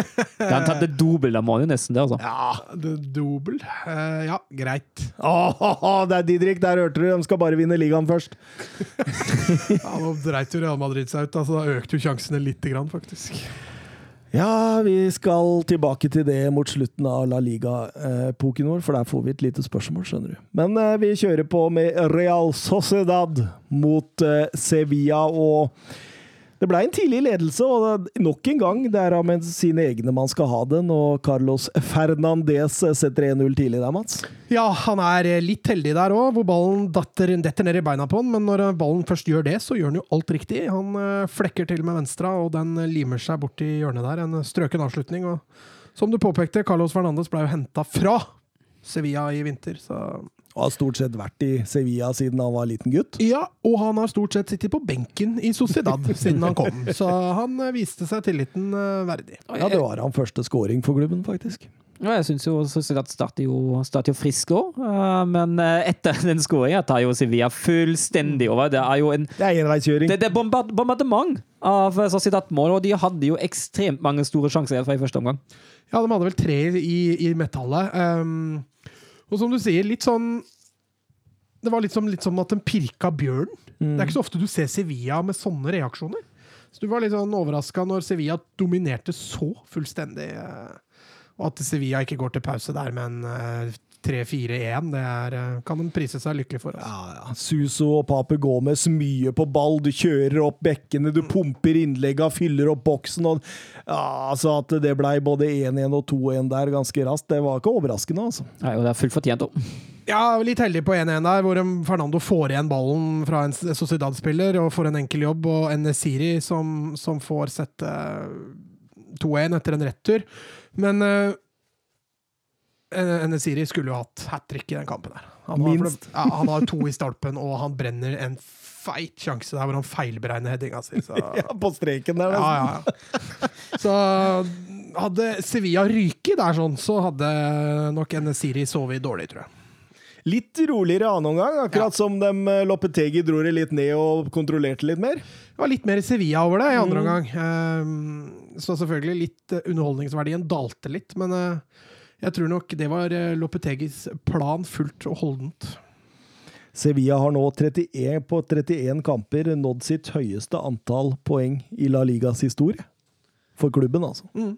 Det Ja, det er ikke så lenge siden vi satt her og lurte på om de klarte Champions League. Nei. Så at Men vi har vingla litt der. vi har, Sevilla vi, vi, vi, vi, vi begynte å si at det var klar Champions League-deltakelse. Ja, og en mulig ja, tittelkandidat. ja, ja. ja. Eh, Nå skal- er de jo faktisk en Ja. mulig tittelkandidat! Så akkurat det der er jo i ferd med å slå til igjen, men eh, jeg tror fortsatt ikke de vinner noe La Liga i år. Men, Og hva er moralen, Søren? Ikke vingl. Ikke vingl. men eh, Sevilla ligger fortsatt seks poeng bak Atletico, Ja. og de må også forbi Barca Real Madrid, så den sitter nok fryktelig langt inne. Men den Champions League-deltakelsen som vi vingla litt på, den kan vi droppe. Men jeg har fasiten, jeg nå, skjønner du, for nå har jeg gått gjennom alle kampene klubbene har igjen, og regna meg ut i forhold til hva resultat og stilling blir. Og blir det komadikt? Mm, Det blir det, skjønner du. Men vi kommer litt tilbake til det. Atletico Madrid, Eibar. Det så ut som Atletico Madrid skulle gå på det normale Atletico Madrid-fella i starten av kampen. Syns de åpna skikkelig slapt og, og nærmest inviterte Eibar til her kan dere bare komme og, um, spille Eibar-fotball, rett og slett. Og vi står med lua i handa, og så plutselig så eksploderer det rett før pause. Ja, altså Hadde noen fortalt meg etter 20-30 minutter at den kampen hadde en vinner Atletico 5-0, da hadde jeg spurt om jeg kan ha noe av det, antar jeg òg. Men Det eh, er litt ja, tilfeldig at det Ja. blir sånn. det er det. Ja, altså De første 20 minutta der så ser det ut som Eibar vil spille La Liga-fotball. Mm. de siste Det blir 70, da. Hoderegning. De siste 70 ser det ut som Eibar vil rykke ned. Ja. Altså det er, det, er, det er så natt og dag. Det er som å skru over en bryter. Atletico var bra, jeg er helt enig, men Eibar var fryktelig svak. Altså. Mm. Ja, det er nettopp det. Jeg sa vel eh, før, eh, før eh, vi gikk på her at det er mange lag som hadde slått Eibar på, på denne dagen her. Altså, jeg vet ikke om, ja, om vi skal snakke om de første to, men uh, jeg synes jo altså, i andre men Det blir jo så fryktelig naivt når de måler litt opp. Altså, tenker på den, eh, på den, på den trenerskåringa der de mister ballen, og så løper de bare samlet tilbake og bryr seg ikke noe som helst om ballfører. Og han har jo 15 meters rom til å slå en pasning. Og jeg, Og din kjære keeper Dimitrovic, han var på en liten skåptur på på, den jeg treen. var ikke en god helg for mine kjære keepere, altså. Nei da, men Angel Korea, bra på slutten der. Setter to fine mål. Og så Carasco, da, som tar den luka på Dmitrovic. Han gjorde akkurat det samme på Ter Stegen, når mm. de slo Barca der. Så han har en sånn liten luke på keeperen-move. Ja, Og så er det jo Jurente, da. For en nydelig fotballspiller han er blitt, altså. for noen steg han har Ja, tatt. ja. Det må jo sitte en eh, Perez i Real Madrid og tenke hva solgte vi der? Ja, Det er det er liksom en posisjon de virkelig har slitt i siste sesongen nå, Real Madrid, altså. Ja, nei, den eh, Jorenten der, han eh, ser ut som en million, og, og Simione gnir seg selvfølgelig godt i hendene nå med den eh, typen han har fått Hvor mye gikk, gikk den for? Jeg tror det var 35, jeg som kjøpte den ganske dyrt. Ja, det, det var mer enn jeg kanskje trodde. Så det var ikke noe billig kjøp for, for Atletico, men han skulle jo erstatte Åh, Nå må du ikke arrestere meg for mye, men var det Gabi som la opp, og så kjøpte de uh, Nei, jeg husker ikke. Det er ikke Eh, noe fare for at jeg arresterer deg akkurat den. Nei, nei, for det var samme året de kjøpte Felixen. Og da hadde jo Gabi allerede Nei, jeg husker ikke åssen det var. Men han skulle i hvert fall erstatte noen. eh, og det gikk jo dårlig første året, husker jeg. Men etter at Simione begynte å bruke den som høyrekant, venstrekant, spiss, bekk og stopper, og ikke sentral, så gikk det veldig bra.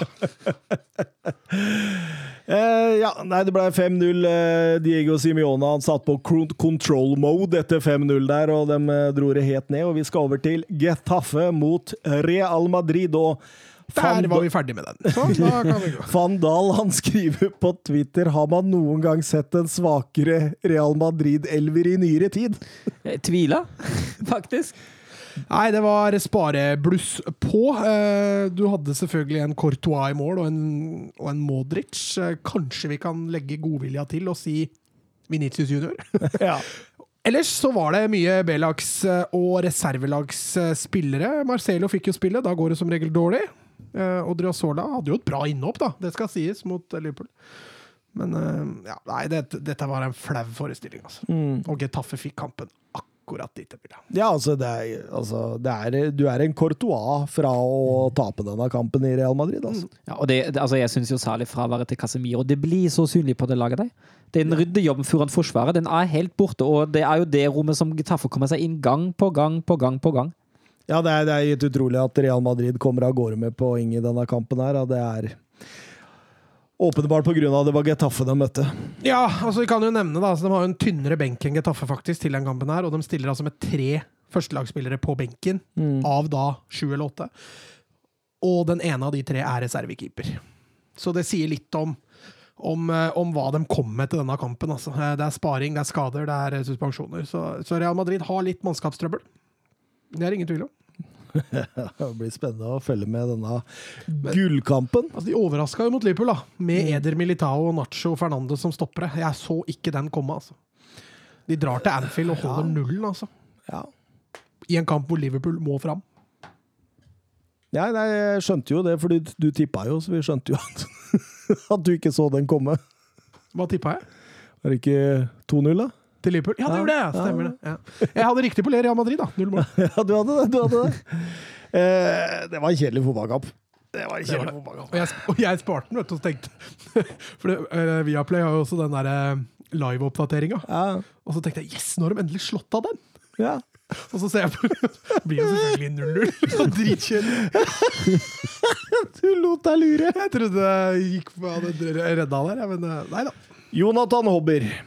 Ståa i La Liga nå. Vil ha alle sine tre, tre sine spådommer på hvordan topp fire ender. Og nå Jeg gikk eh, til verks. Trenger ikke vår mening, for du har jo fasiten. Eh, jeg, jeg har fasiten, Ja. men, men dere kan korrigere hvis dere Jeg håper jo noen av dere er uenige, da. Men her har jeg gått nøye til verks. Jeg har sett på hjemme, borte, jeg har sett på alt. Altså Ståa akkurat nå, det er jo at eh, Atletico Madrid har 70 poeng. Eh, Real Madrid har 67. Barca 65 og Sevilla 64. Barca har én kamp til gode eh, på resterende. Um, og så se, hvis du, nå har jeg regna gjennom kampprogrammet, og jeg kommer ikke til å nevne alt det der greiene der, men jeg endte opp med følgende. Det bør jo nevnes at Barca og Atletico møtes. Ja, ja. Jo, jo. Det, og Sevilla hadde vel noen møter inni her med Hvem var det Sevilla møtte igjen? Det var Eh, 2-6, kan jeg, jeg kan finne det fram. Du kan finne det fram, ja? Ja, uh, Sevilla skal møte Nei, nå er jeg inne på feil. Sorry. Nei, Sevilla de, de møter Levante, Grava, Granada, Bilbao uh, Ja, Real Madrid. Ja. Real Madrid borte møter Sevilla. Um, Atletico Madrid uh, fant jeg ut De blir da altså nummer to. Ja. Med 86 poeng. Real Madrid blir nummer tre med 82. Sevilla blir nummer fire med 81. Det blir såpass jevnt, ja! Ja. Men Barcelona, de stikker ifra. Vi vinner serien med tre poeng, altså 89 poeng på Barcelona. Gratulerer. Men- kan vi få diktet nå? Men hvordan har, du, hvordan har du satt en kamp mellom Barcelona og Atletico? Hva tipper du der? må ha blitt hjemme seg. Han må det. Men jeg er bare nysgjerrig. Nei, jeg har satt uh, tre poeng til, uh, til Barcelona. Ja. Mm. Ja, For, for jeg skal ikke vingle, veit du. Nei Jeg skal ha Atletico på topp, og så Barcelona. Jeg skal bytte de to. Jeg er helt enig med Real og Sevilla, men jeg skal ja, ikke fordi vingle. Hvis det blir motsatt, så blir Ja, ja, fordi eh, Nei, for Barca har Åssen går det? Er det innbyrdes? Det er innbyrdes i Spania. Vet du hva, Det har jeg stussa på de siste ukene sjøl, for jeg måtte, men jeg har ikke sjekka det. eh, Fordi jeg veit ikke om det har vært regelendring, men det har jo lenge vært innbyrdes. Mm. Jeg tror det er innbyrdes, ja. Og akkurat nå så ligger jo innbyrdes Atletico slo jo Barca 1-0 i Madrid. Ja. Eh, innbyrdes i Real og Atletico så er det jo Real, og innbyrdes Real Barca så er det Real. Så Real har jo den beste innbyrdes mot alle. Men Real kommer til å, å tape poeng her, både mot eh, Betis hjemme, mot Sevilla hjemme og mot uh, Atletic Club borte. Ryker de på en smell? Nei, de taper ikke mot de store. Aldri i verden. De slår i hvert fall Sevilla. Nei, de får Det er de- det er Nei, de- ua- uavgjort. Det Ja, men de, det er de søppellaga de sliter med hjemme, ikke de store. Ja, men jeg har regna i forhold til når de skal møte Chelsea og litt sånne ting òg, jeg skjønner. Oh, ja, ok, det har vært såpass. Mm. Vi går over til hovedkampen vår. RB Leipzig, Hoffenheim. Nei, men dere skal, dere skal få lov å tippe. Jeg tenkte det var fasit. Men dere skal få lov å si hva dere mener. Ja, du sa jo hva du mener, men Mats har ikke sagt det. Ja, da får jeg gå imot deg, da. Jeg skal vingle, jeg. Jeg sier eh, Real Madrid på topp. Det skjer aldri. Og så blir Da skal jeg sykle sykle tilbake. Nei. Nei, no det, nå No takebacks! han take sagt! Eh, Åh, nei, den er tøff, ass. Uh, det verste av alt, etter at Real gikk på den blemma der, så sitter jeg med en liten følelse av at Barca tar det sjøl. Det gjør det. ja. Nei, jeg, jeg gjør det, jeg òg, men jeg kan ikke vingle. Det er liksom litt tryggere da, hvis du går bestemmer oppi huet ditt for at uh, nei, Real Madrid tar det. Så blir du veldig positivt overraska, ikke så skuffa. Mm. Så hvis jeg sier eh, Real, Barca, Atletico, Sevilla Og da slipper du å skrive dikt. Ja, det. To fluer i en smekk der, altså. Nå da, Søren, har du noe mer på hjertet? Nei, men så hadde hovedkamp Leipzig-Hoffenheim. Ja, det var det han sa. Ja, der bomma jeg kanskje. For eh, Leipzig-Hoffenheim er faktisk den eneste kampen jeg ikke fulgte veldig nøye med denne hva. gangen, for jeg satt og jobba samtidig som jeg så kampen. Kan du si at du ikke har gått glipp av noe særlig?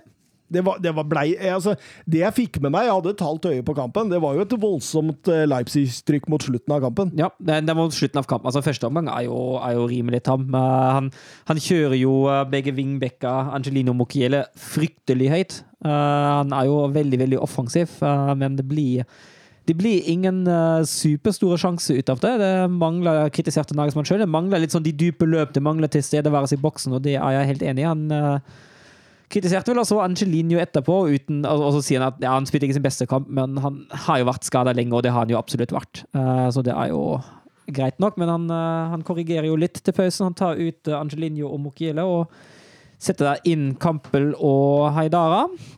Uh, endrer også litt i presspillet. Han setter litt mer på pressfella nå. Uh, sitter ikke det press, uh, første pressleddet veldig høyt. Angelinho var jo en del av første pressleddet. Det er ikke Heidara lenger, men han presser heller Hoffenheim ut på kant og hugger til deg. og det blir litt bedre. Det blir noen sjanser ut, uh, av det utover i andre omgang, men det er litt, det er litt tamt, altså. Ja, det var litt tamt, det var det jeg så, jeg òg. Eh, blir jo 0-0. Eh, Leipzig eh, under Nagelsmann er første gang de har to kamper hjemme på rad med, nu, med null skåringer. Og så gikk de jo på en smell nå i dag, rett før sending mot Köln. Tapte de 2-1 borte. Stemmer. Det var jo nære seieren mot slutten til Hoffenheim, 90 pluss 6, at eh, Paulsen skåra, men så blir det Hens. Han header den i sin egen hånd, og da skårer han med hånda, og det blir jo annullert. Det er tungt. Ja, den, eh, den er Glenn Weber, søren. Begynner å tro at Nagelsmann er tapt. Tror dere Jesse Mars har det som skal til? Det er jo et godt spørsmål. Uh, han leder jo eh, han ganske, ligaen ganske suverent i Østerrike med Salzburg. Ja, Eh, Ni poeng. Ja, alt annet hadde jo kanskje vært litt, litt skandale òg. Det er jo klart Han har jo kjent litt med den RB-fotballen, men om han, altså om han eh, kan erstatte Nagelsmann én mot én, det tviler jeg litt på. Om han kan, bli en, om han kan spille en god rolle i Leipzig, det kan, kan fort hende. March blir også heftig linka til Leverkosen og Frankfurt uh, akkurat nå. Ja, det er jo, det er jo, det er jo trenerrulett i Tyskland nå. Det ser ut som at Wolfsburg også trenger en ny. Ja, der hadde jo du en inter... Nei, skal vi ta det på Ja, vi kan, vi kan bare kjøre, Søren. Ja, Ja. Søren hadde jo en interessant take om hvem som tar over Wolfsburg. Ja. ja ofte. Og jeg har jo lest og hørt at Jogi Løv tenker seg tilbake til uh, klubbfotball. Tenk deg det! Yogi! Yogi! Nei, jeg håper, altså jeg håper jo helt glassene blir, men det kan begynne å se litt, uh, litt mørkt ut. Og så håper jeg aller helst at det ikke blir Jogi Løv etterpå. Han bytter favorittlag, han!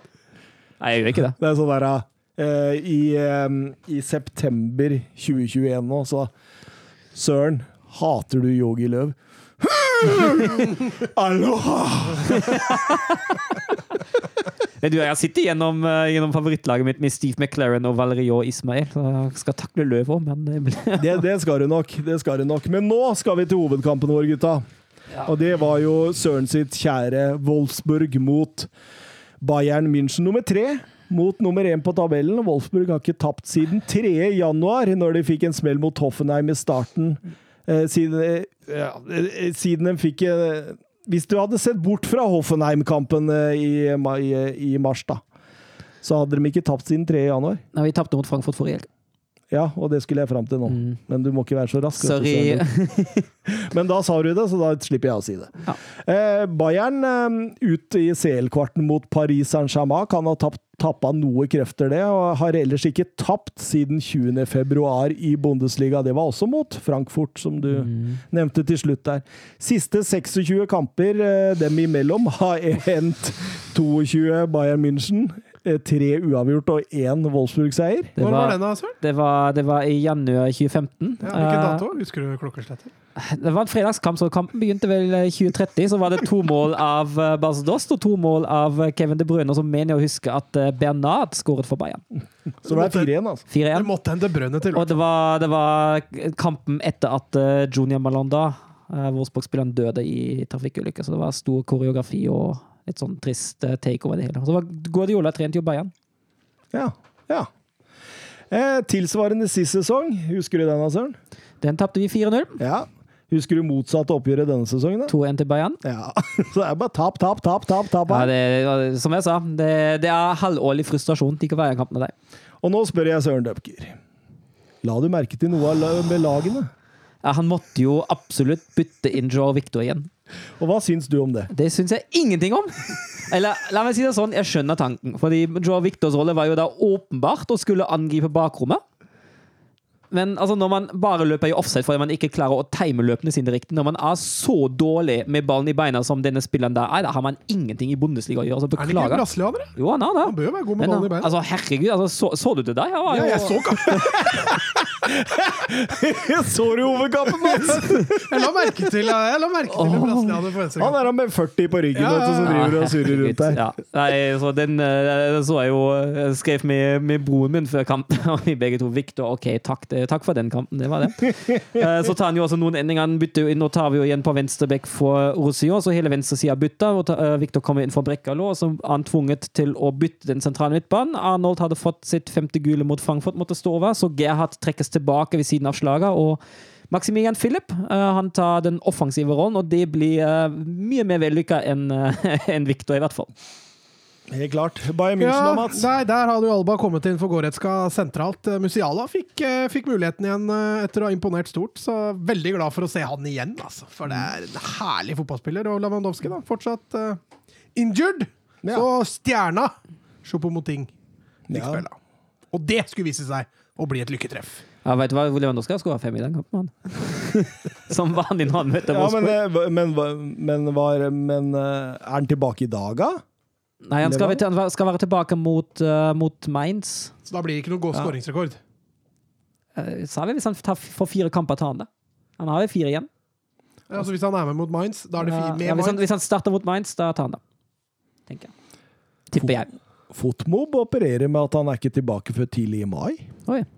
Men eh, Fotmob er ikke helt Nei, å stole på nei, der, da. nei, det Jeg tror ikke ikke det. du skal Nei, ryk, altså det siste jeg leste, var at han skulle være tilbake mot Mainz. Men uh, får Ja. se. Hvis han, ikke, hvis han bare får 10 eller 15 minutter mot Mainz, da blir det ikke noen skåringsrekord der heller. Tror jeg. Kampen da, Søren. Ja, jeg syns jo Wolfsburg starter ikke så aller verst. Jeg uh, syns, eh, syns man går godt ut i, eh, i høyt press, og klarer i hvert fall i, i første åpningen eh, å lykkes til tider med det.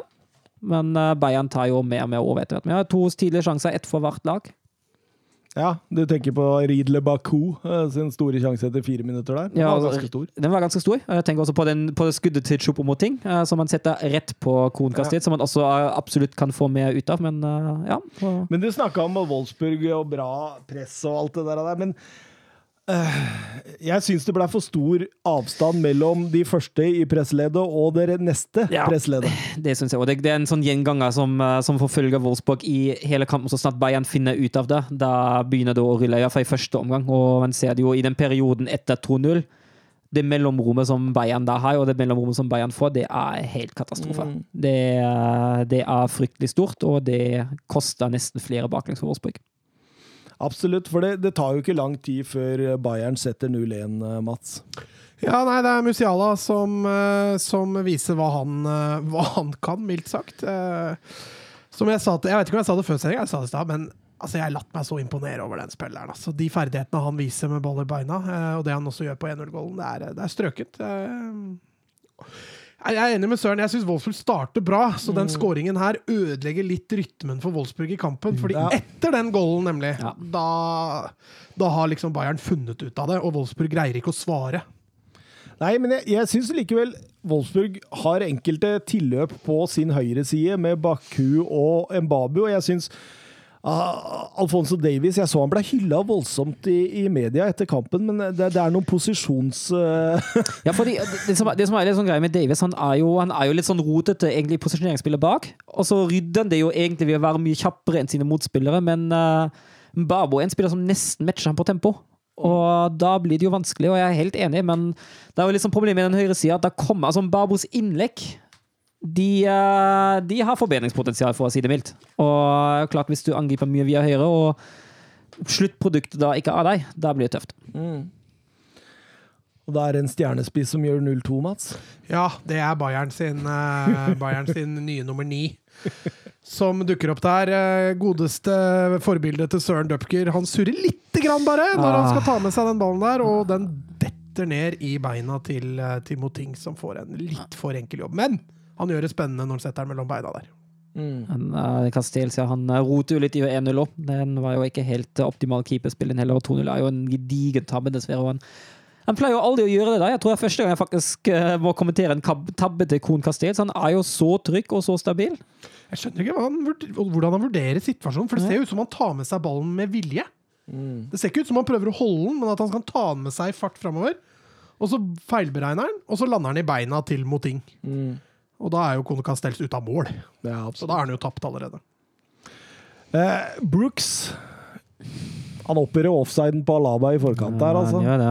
Det, han står og sover litt, mm. godeste Brooks. Eh, vi har hylla han mye denne sesongen, Søren. Ja, men altså, det, han er jo litt altså det får da nesten gå så at en stopper ikke alltid kan være 100% korrekt og gjøre noen feil. Det må man nesten leve med, og det er helt greit. Han har slutta med de verste rotingene, og da er det akseptabelt at sånne ting innimellom også skjer.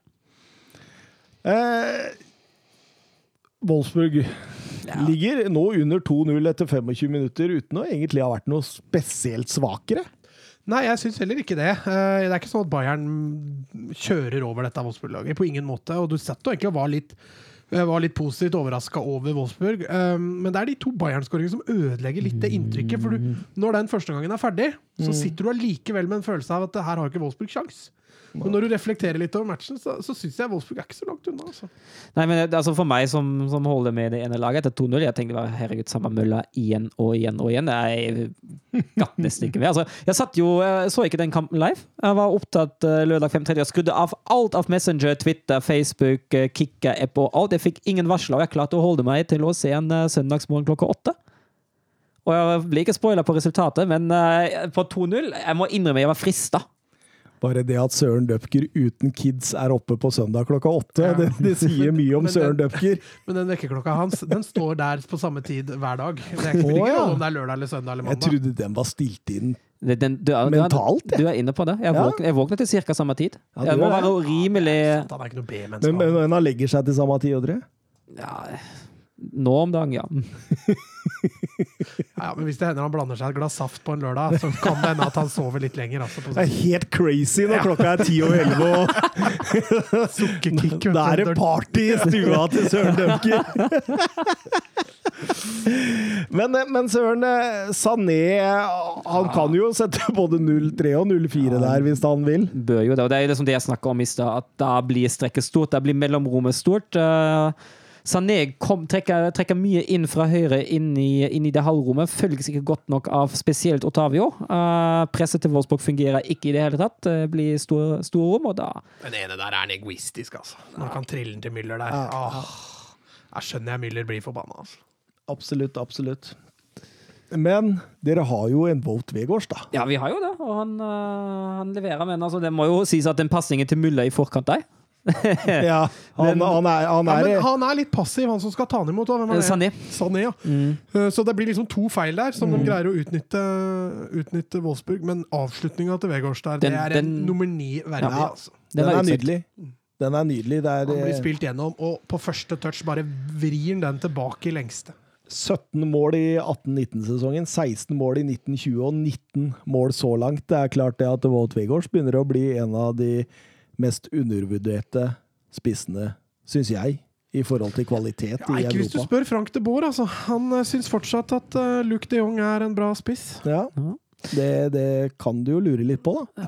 Jeg leser en statistikk om, om det at uh, siden Vordvir har spilt i Bundesliga Den er jo litt, uh, litt foreldret nå, kom litt sånn i midten av rundt høsten da sesongen starta, men siden Vordvir har spilt i Bundesliga, var det bare Lewandowski og Werner som har skåret flere mål enn ham. Men sant? Husker du du var så for, Du var ikke forbanna, da. Men når uh, de Jong ble tatt ut istedenfor Weghorst Veit du hvem som scora for Nederland i alle de kampene? Nei, de det, Jong? Det var de Jong! Ja.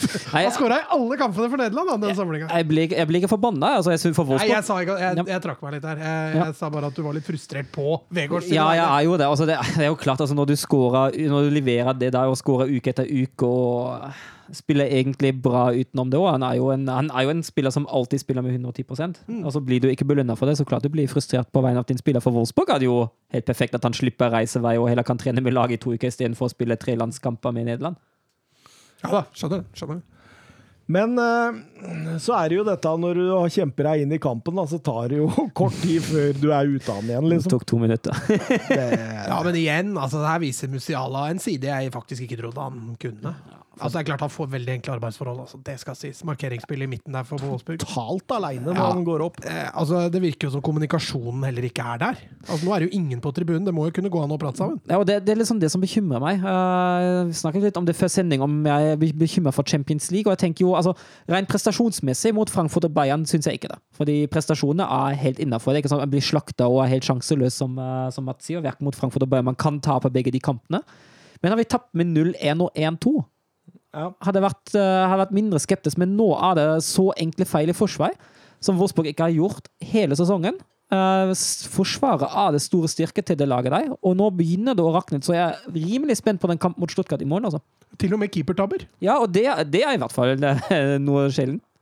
Men så tenker jeg på problemet offensivt for uh, Wolfsburg i denne kampen her, da, var jo det at uh, Viktor og Baku de ja, Du kan bare si navnet hans, så begynner han å stønne på sida. men, men, men, men de skal jo egentlig være spillere som går riktig i dypet for å eh, støtte opp under Vegårst. Men veldig ofte så møtte begge to. Og det var ingen som blei med Vegårst opp, så det blei så enkelt for Bayern München å stoppe det. Altså med, med en gang de hadde tatt løp i bredde eller i dybde og strekt litt på dette Bayern-laget, så ville eh, Wolfsburg fått mange flere sjanser. Ja, Ja, det kunne jo funka òg, men det, jeg synes jo det blir bedre i andre omgang, i hvert fall med Babu på høyresida. Men eh, det mangla litt offensive innstilling på bekkene. I hvert fall når kantene skal møte sånn som de gjør. da. ja og det er litt så, altså, altså, Tenk litt på det. Altså, jeg føler at de kantene begynner å koste litt poeng. Altså, Bako for all det har svakhet mot Bayern, men han har jo egentlig prestert jevnt over bra. Han har jo faktisk uh, holdt det han har lovet. Også, men siden Ronato Steffen har vært ute, har det vært mye sur. Og det har vi jo vært inne på før, at uh, kantene til Wolfsburg det er det store svakhet, den store svakheten, og i hvert fall på backupen. Ja. Uh, og altså, At en Joe Victor i det hele tatt spiller for et lag i Bundesliga, er jo herregud, altså.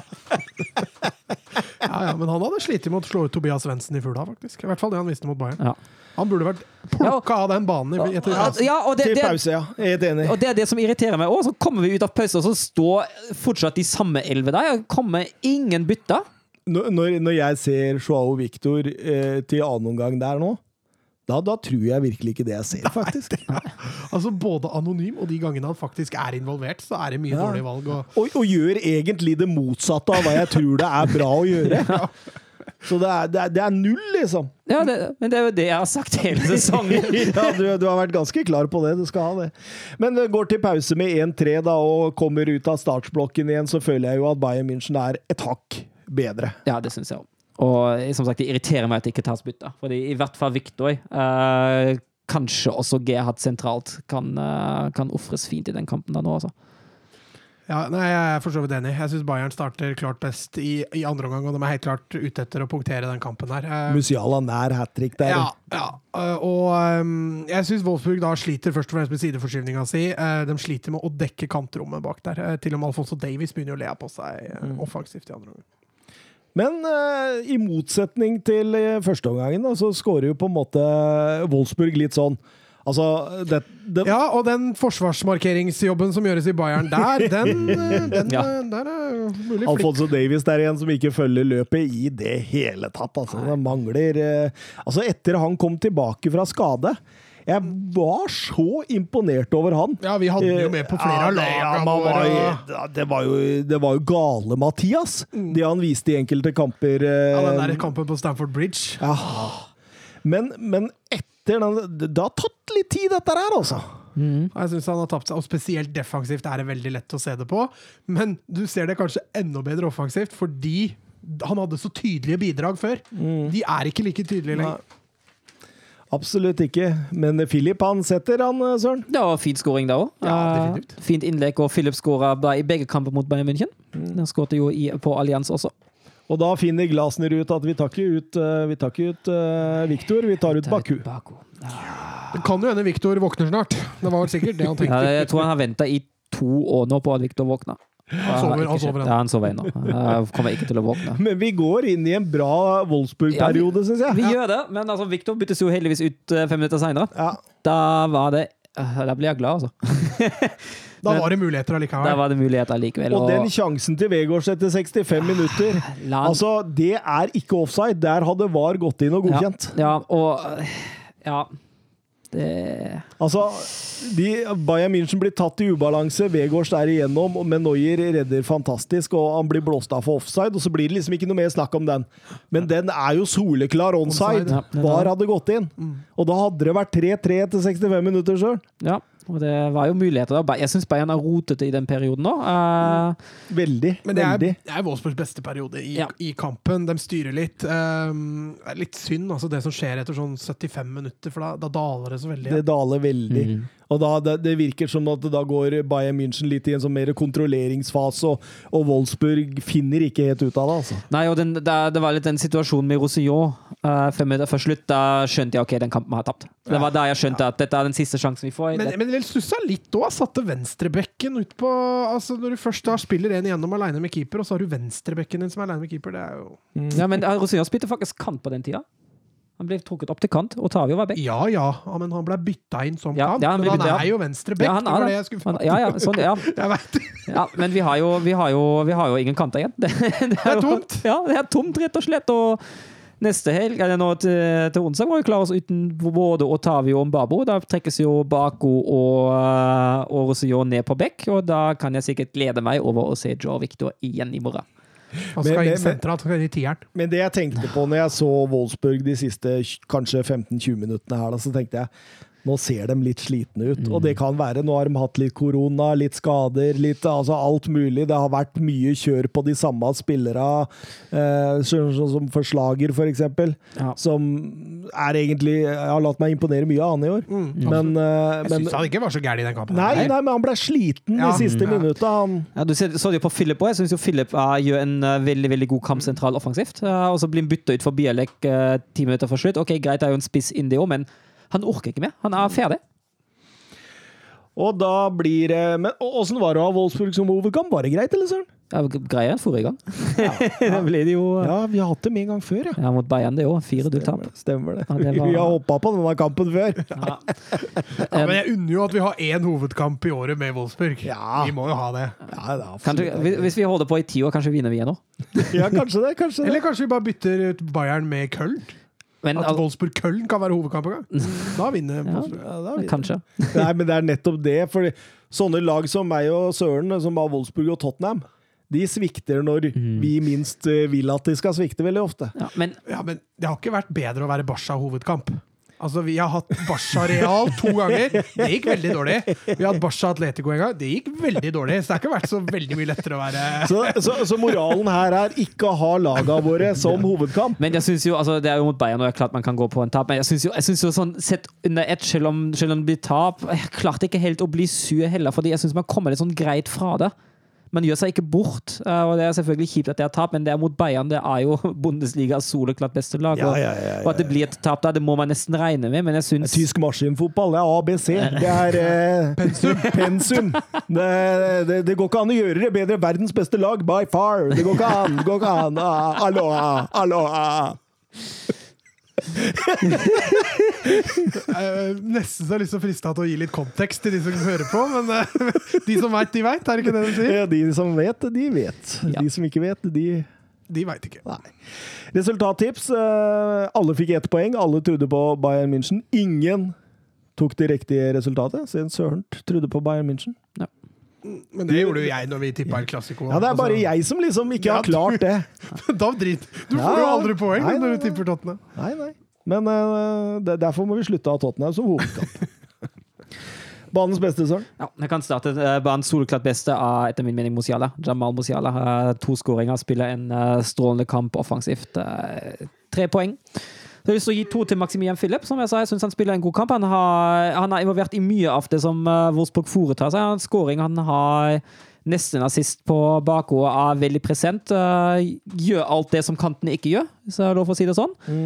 Eh, og så var det mange kandidater til å gi, til å gi et jeg bestemmer meg til slutt for Thomas Müller, til tross for feilen han gjør før, før 1-2. Jeg syns han eh, sett under et gjør en god kamp offensivt. Han er veldig bevegelig, finner de rommene han skal finne, gå ut på kant om det er nødvendig, ha assisten før 3 og syns det er greit, men jeg vurderte både Kimmich, Verhast og Slager også.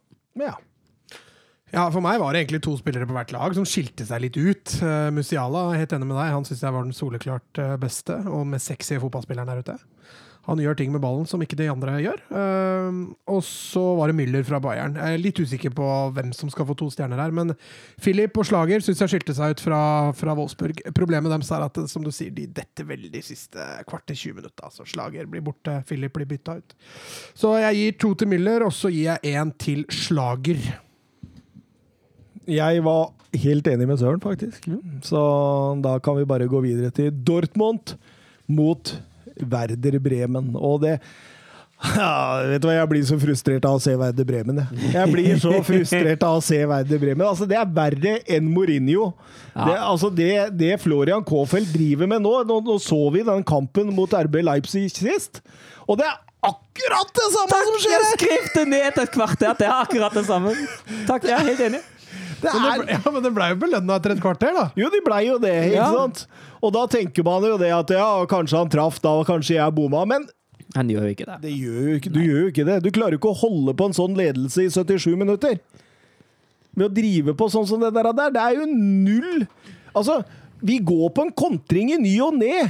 Men vi har ikke noe plan over det, og hvilken som helst spiller går Du ser jo, du ser jo det er forskjell Altså, Milot eh, Rasica, han går alltid i kontring. Han går alltid i kontring. Men utover det så er jo bytter de jo spillere, og eh, det, det, det, det er ikke noe Det er ikke noe plan. Nei, det er jo ingenting Jo, plan. det er en plan, for det er en sånn rulleringskontringsplan. Så kontring nummer fire, da skal han gå. Og kontring nummer sju, da er det din tur. Ja, fordi alle vil gå! alle skal, alle skal være med og Alle skal få lov! Ja, det, er, det er jo litt sånn.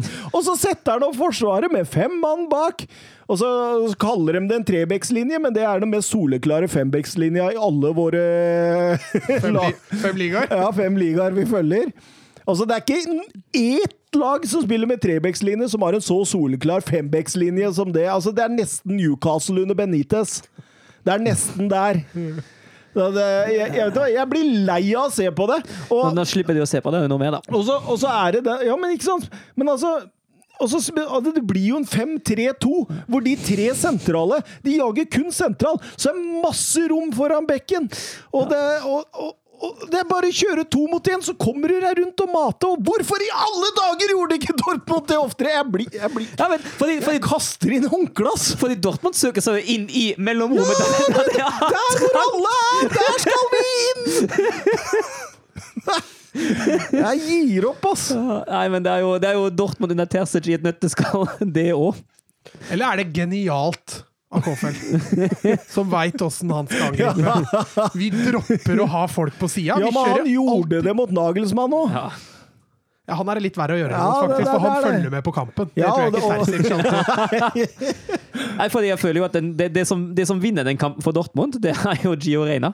Det at, Absolutt, Det absolutt. Gio Reina finner ut at i dag skal jeg spille som, som Jaden Sancho gjør vanligvis, det, det vinner den kampen da for Dortmund. Ja, ikke sant? Altså, Når de ikke kommer seg gjennom, så kan du klinke til fra 20 meter, da, eller hva, hva, hva i alle dager han gjør, og ballen spiller som prosjektil opp i hjørnet. Eller som Nils Johan Semme ville sagt, pisken. Det er pisken, Det er pisken. Fram med pisken. Men det var nydelig. Eh, nydelig gjort. Og de får jo straffespark rett etterpå. Da er jo egentlig kampen avgjort. Det er det. det er- du man ser på en måte ingen måte hvordan Bremen skal komme tilbake. og 3-1-skåring er jo igjen Reina som er helt fantastisk. Ja, å gå og utfordre på kant, det er jo fint. Og så er det jo litt pingpong ping-pong der inne i boksen. Går vi via to Bremen-spillere og spretter til en uh, Heiblak Haaland. Uh, altså er jo, I andre, men Dortmund gjør jo ikke mer nødvendig, og Bremen kommer jo til uh, noen sjanser. Det blir jo plutselig veldig stort strekk uh, i Dortmund-laget midtveis i omgang der. og en del rotete frispilling, men Litt sånn det samme som, i, som vi sa med Bremen mot Leipzig. Og det, man har ikke helt den følelsen at dette her blir farlig. Nei, ja, altså Florian Kohfeldt, eh, kudos i hvert fall til at han bytter formasjon underveis i kampen og, og, og bytter om til en ja, 4-4-2. Ja, ish. Ja, 4-2-3-1. Jeg klarte aldri helt å bestemme meg hvilken formasjon han bytta over til, men, men da blir det litt bedre med en gang. Han Eggerstein har en i stolpen Ja, der, og Det er deilig skudd, da. Ja, det er nydelig skudd. Men, eh, men det, når Hummel setter inn 4-1, så, så tenker du at det er ikke mer enn det må være, faktisk. Det er Werder Bremen-laget her, altså det ser eh, Fem strake tap har de vel nå i Bundesliga, og det, det, de er ikke veldig høyt over nedrykk. Nei, de begynner å blande seg litt, eh, litt inn der igjen. Og Rune, Rune Bratseth sa det vel i Viasat Studio at han egentlig håper han ikke trengte å, snakke nedrykk i år, men det kan jo hende at han må Det tror jeg han er nødt til, hvis Ja. ikke de skjerper seg. Men jeg er også enig med, enig med Bratseth. Jeg tror ikke det blir direkte nedrykk. Det kan jeg ikke se for Altså, det er jo Køllen og Hertha har vel like mye poeng. men nå Ja. fikk jo Køllen i dag, da. tre poeng mot Ja, altså Herta Hertha har jo selvfølgelig en hengekamp. Ja, det har vel kanskje to av dem? Ja. Men eh, Oi. Ja, da er det kanskje Nei, det er ikke godt å si. Det er ikke godt å si. Men eh, vi kan gå over til eh, Serie A. Milan mot eh, Genoa. Et Milan uten en suspendert Zlatan, som hadde latt dommeren få det glatte lag. Kom det fram hva han hadde sagt? Nei, jeg har ikke lest noe om det, men det, det må være El Madredo. Det var mer enn Mamma Mia. Ja, det var mer enn Mamma Mia. Og Ante Rebic, han fortsetter jo i normal eh, sånn andredelssesong.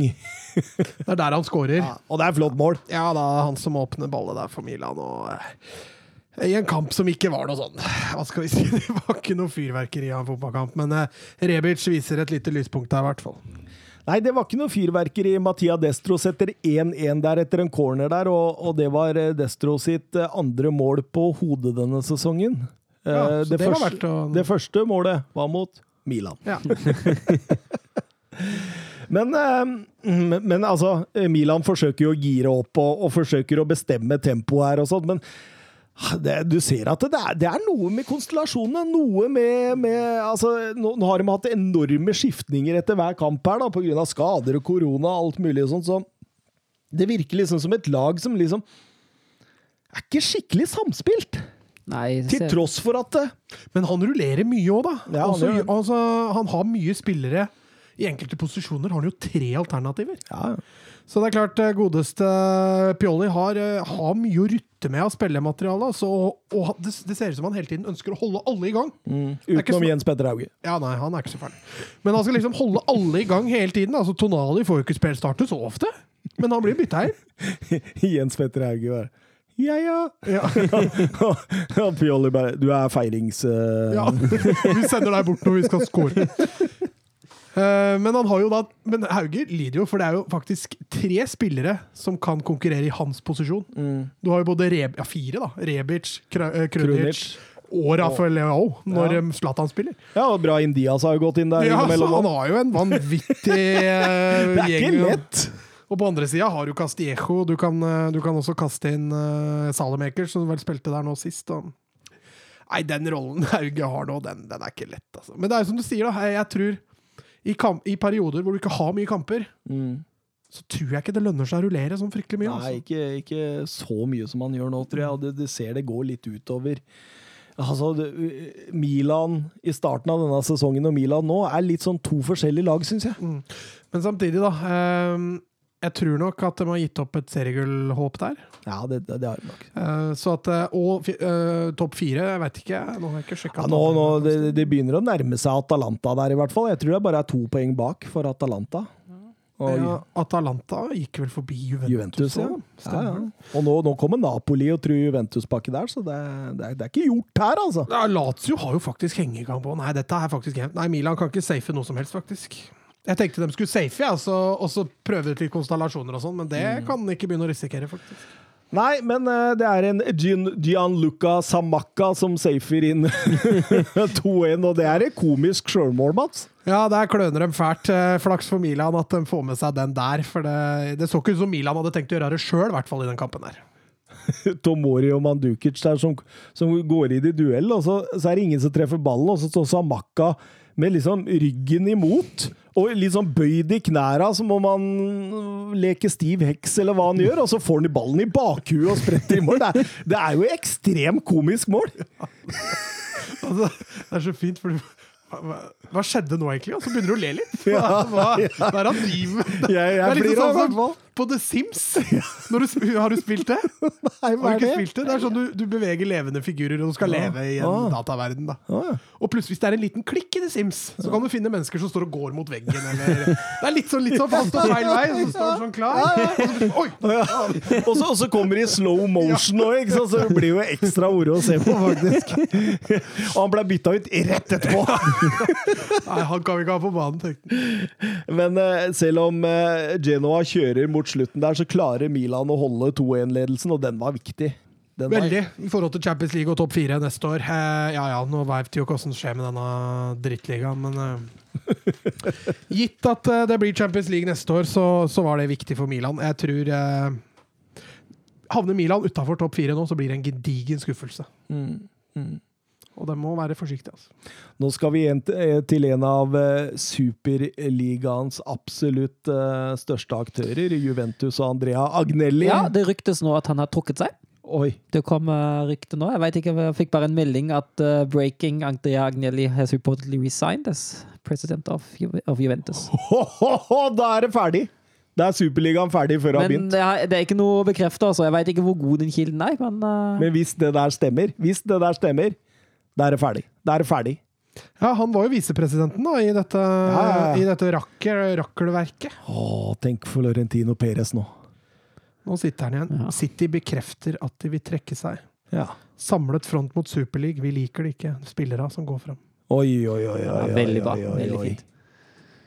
Ho, ho, ho, ho, dette er her! Breaking news! Alle har sikkert hørt det før. Det, det, det tar 22 minutter, minst, å legge ut denne episoden her. Så vi, vi ennå. vi kommer aldri til å være først, vi. Nei, nei. Vi er alltid etterskudd.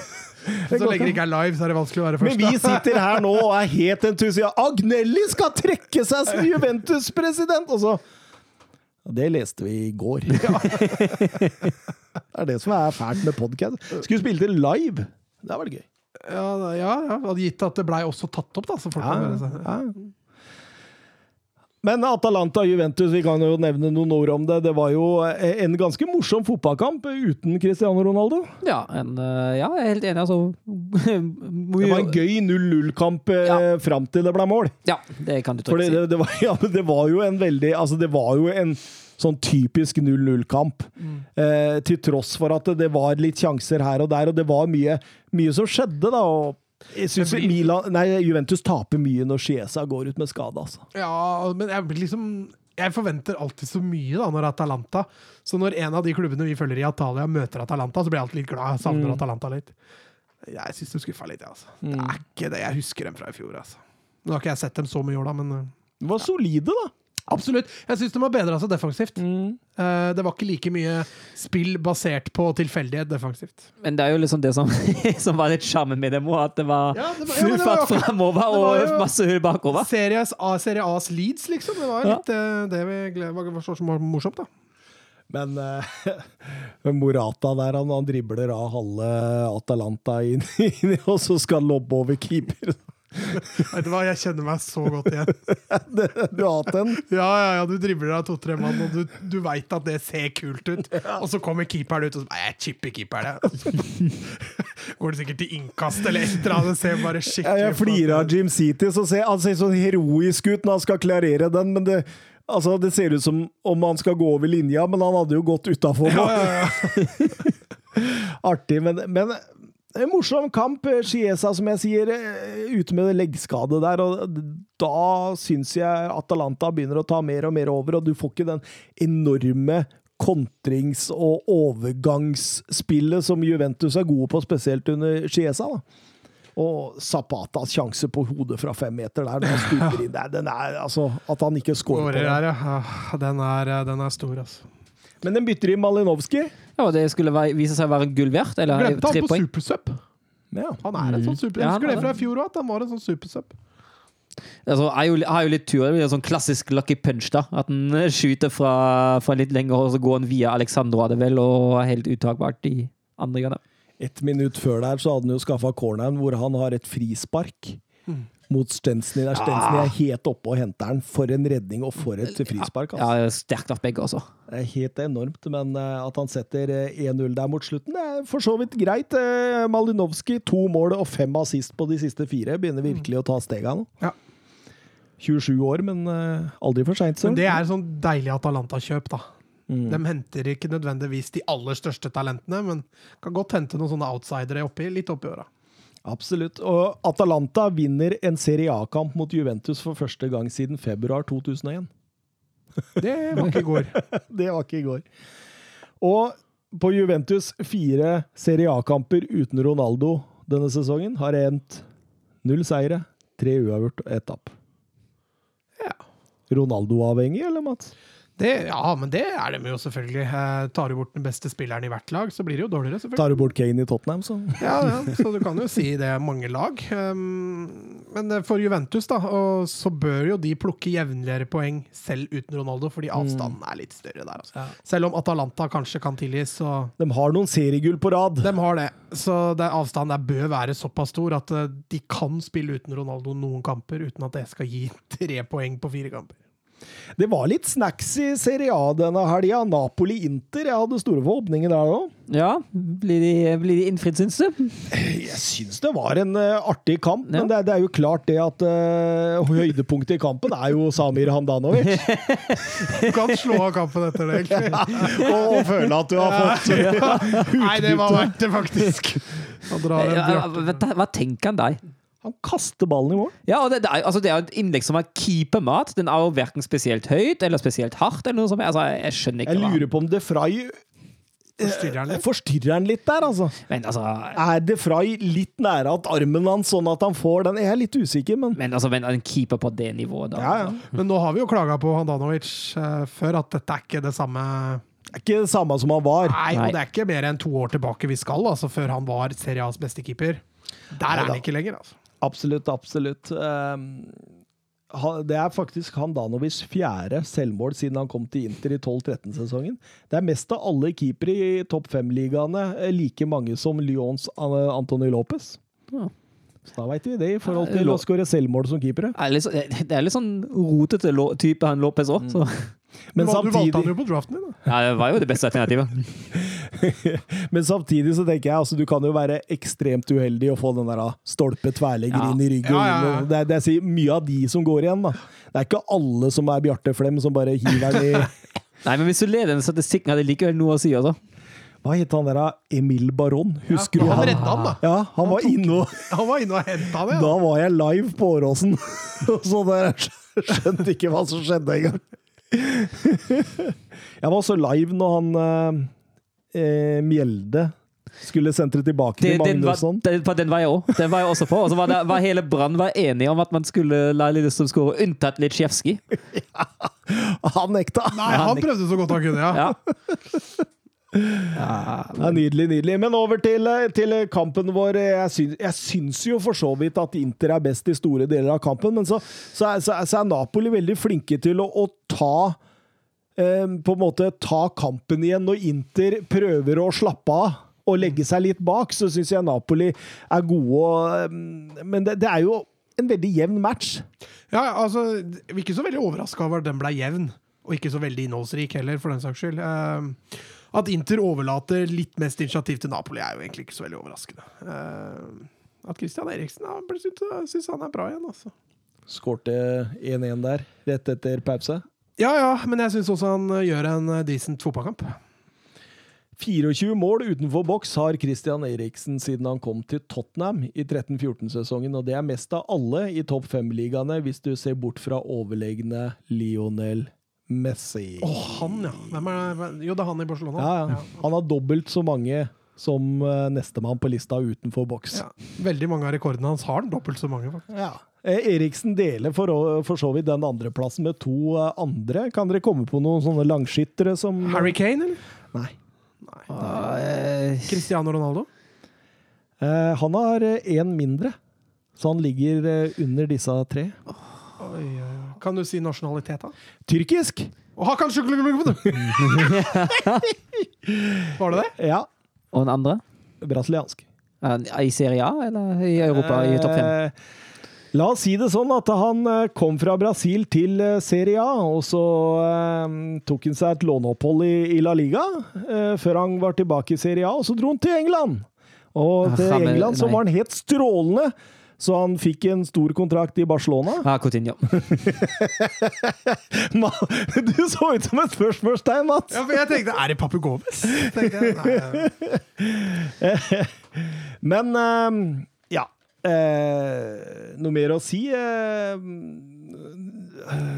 vi, vi trodde jo det skulle være et straffespark mot slutten der, men eh, VAR og skjerm kom inn, og det trakk, trektes, og det, det var jo en Altså, Går det an å takle bedre enn det Frey gjør på Zelenskyj der? Det er, det, det er så strålende! Det er så klokkereint! Jeg bare tenker at det, Hvis det ikke hadde vært VAR der, så hadde verdens beste takling blitt, blitt straffespark. Innimellom er det faktisk greit at det fins vær. sånn. Noen ganger. Der, og der får du det eksempelet, liksom. Men De De Vrij han overrasker så positivt hver gang du ser han. Han er så, han er så bra. Han er, så, bra. ja.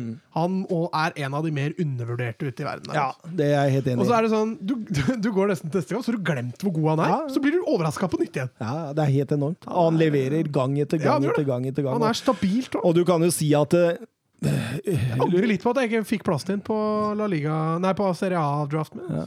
Men du kan si at eh, Lukaku er jo mye av dette interlaget offensivt. Eh, til dels eh, Lautaro Martinez og Hakimi har vært denne sesongen her. Men grunnen til at de vinner Serie A, det er jo de tre stopperne bak der. Ja, Bastoni òg. Ja, og Skriniar og, og De Frey. Det er jo det er, det er, det er, klasse tvers igjennom alle tre. Ja, Bastoni han er jo bare guttungen. Mm. Eh, enorm spiller, altså. og God med ball og eh, tar noen overlapp og innlegg. noe assist, Ja, ja. ja, det er utrolig imponerende. og Vi kan vel dele ut det gullet til Inter eh, Selv med uavgjort. først Ja, som sist. En liten tur innom Ligue Ø. Skal vi droppe de første 78 minuttene, eller? Nei, det er de jeg så. Så det er fint om vi kan prate litt om eh, dem, faktisk. Det er faktisk nitrist at du, at du Nei, Jeg så en drøy førsteomgang der. Eh, Det var det jeg fikk sett. Og så ble resten på, på highlights. Så det var kjipt. Jeg Og da kom det mye highlights. jeg skjønte kampen begynte etter 75, så det var, det var nedtur. Det var rett og slett det. Porcetino ble drittlei og, og kjørte et trippelbytte der etter 68 minutter. Da hadde egentlig ja, altså, Du skal si Søren, at Santetien de driver ned tempo. De, Ja, ja, ja. Altså, de, de, de, er, de er bare ute etter å ødelegge. Men det er et lag i nedrykksstrid. Det er helt jeg, jeg, jeg, jeg sier ikke noe imot det, men Og det trippelbyttet. Altså han, eh, han tar ut alt det offensive, unntatt, uh, unntatt Mbappe. Han får fortsette. Og jeg skjønner det så innmari godt for deg. Det stemte ikke mye offensivt. Altså Hvis du tenker bevegelse, samspill Jeg er særlig skuffet over bevegelsen. Altså. De, de angrep uh, Hvis de først angrep rom, angrep de gjerne feil rom. Ja. Det er noe, det er ikke noe kreativitet bak Nei. fra banen heller. Altså, det, det er ikke noe boksåpnere der. Nei, absolutt ikke. Det er- så det er er det sånn- klart det er vanskelig å være boksåpner når løpet er såpass dårlig og dårlig samspilt, men uh, jeg syns det mangler så fryktelig mye. Og, og da jeg slo av etter første gang, jeg tenkte jeg, her må det skje et eller annet, ellers så vinner ikke PSG dette. faktisk. Nei, jeg har jo utnevnt Monaco for lenge siden som sånn dark horse. Det blir er, det, nå, er det, spennende. nå er det fire poeng fra første til fjerde. Ja, det er ett poeng imellom alle. Helt vilt. Det er helt vilt. Det er morsomt, da. Men uh, Dennis eh, Boanga han sender faktisk Santetien uh, i ledelsen, og da du, du får jo litt sånn sjokk òg, da, fordi der sitter Santetien og bare de, de, de ødelegger, drar ned tempo, ligger seg ned. eh, alt skal Altså, det, det er bare for å dra ned tempo hele veien, og så skårer de 0-1 13 minutter før slutt, og du tenker jo Skal Paris Saint-Germain gå på sitt fjerde strake hjemmetap, liksom? Ja, altså så, mot sånn antifotball. Og selv om jeg på ingen måte er noen PSG-fan, eh, så er jeg likevel fotballfan. Og der er jo PSG mye bedre representant enn det Saint-Étienne viste seg å være her, altså. Eh, selv om jeg må jo si kommentator Clay med den, eh, med den Etienne Green i målet til Det var herlig. Hva, fortal- hva, hva sa han igjen? Ja, Hva sa jeg Søren, det var du som sa det. Nei, det var eh, Clay, Clay sa jo at navnet til, til keeperen, reservekeeperen til Saint-Etienne, den unge som prøv, fikk prøve seg i den kampen, Etienne Green Altså, Etienne er jo Saint-Etienne. Og Green det er jo kallenavnet til Saint Etienne. The Greens. Så han sa at, sånn, at det var Donald Duck-navn. Altså, han er jo meant to be Ja. til å stå der og bli legende i den klubben. Men det Fransk-engelsk mann. Men, men litt av en reservekeeperen Vicario forrige helg. Green nå, Vikario forrige, og han kommer neste. Det, det er det du kan lure på. Men eh, så plutselig så ser Ander Herrera ut som eh, Kevin De Bruyne og leverer en klasse ball i bakrom. Ja, og det er jo litt det man savna, i hvert fall jeg savna, i hele første omgang. eh, Og de få minuttene jeg så i andre omgang. Så det er åpenbart at de trengte noe oppkvikkere der, altså. Og nye bevegelser framme. Men man kan jo også spørre seg, altså det kommer jo rett fra avspark der at Etienne egentlig skal ligge balansert. Ja. Og man kan jo stille litt spørsmålstegn ved det der òg. Altså, det skal jo egentlig gå. Jeg er helt enig, det var en nydelig passing og godt løp, men altså Å, Mbappe der som tar ned på første med utsida der og bare kontrollerer den inn. Det er, det er så verdensklasse. Det er så verdensklasse, Mats! Men han er deilig, da. Ja, det, han er sjukt deilig, faktisk. Han er deiligere enn Dupker. Ja, også, men du ser eh, altså Hvis du ser fysikken til Mbappé da, og fysikken til Dupker, så er det verdensklasse forskjell. Altså no offense. Det, det, det er jeg helt enig i. Det er det altså, den definitivt. der på utsida Og i favør Mbappe. Det Ja, selvfølgelig. Ja, det, det er jo smak og behag, da, Edvardsen. Det er mulig du liker Dupker-kroppen bedre enn en Mbappé, men jeg, jeg foretrekker Mbappé. Det Går jo ikke an å motstå Dupker-kroppen!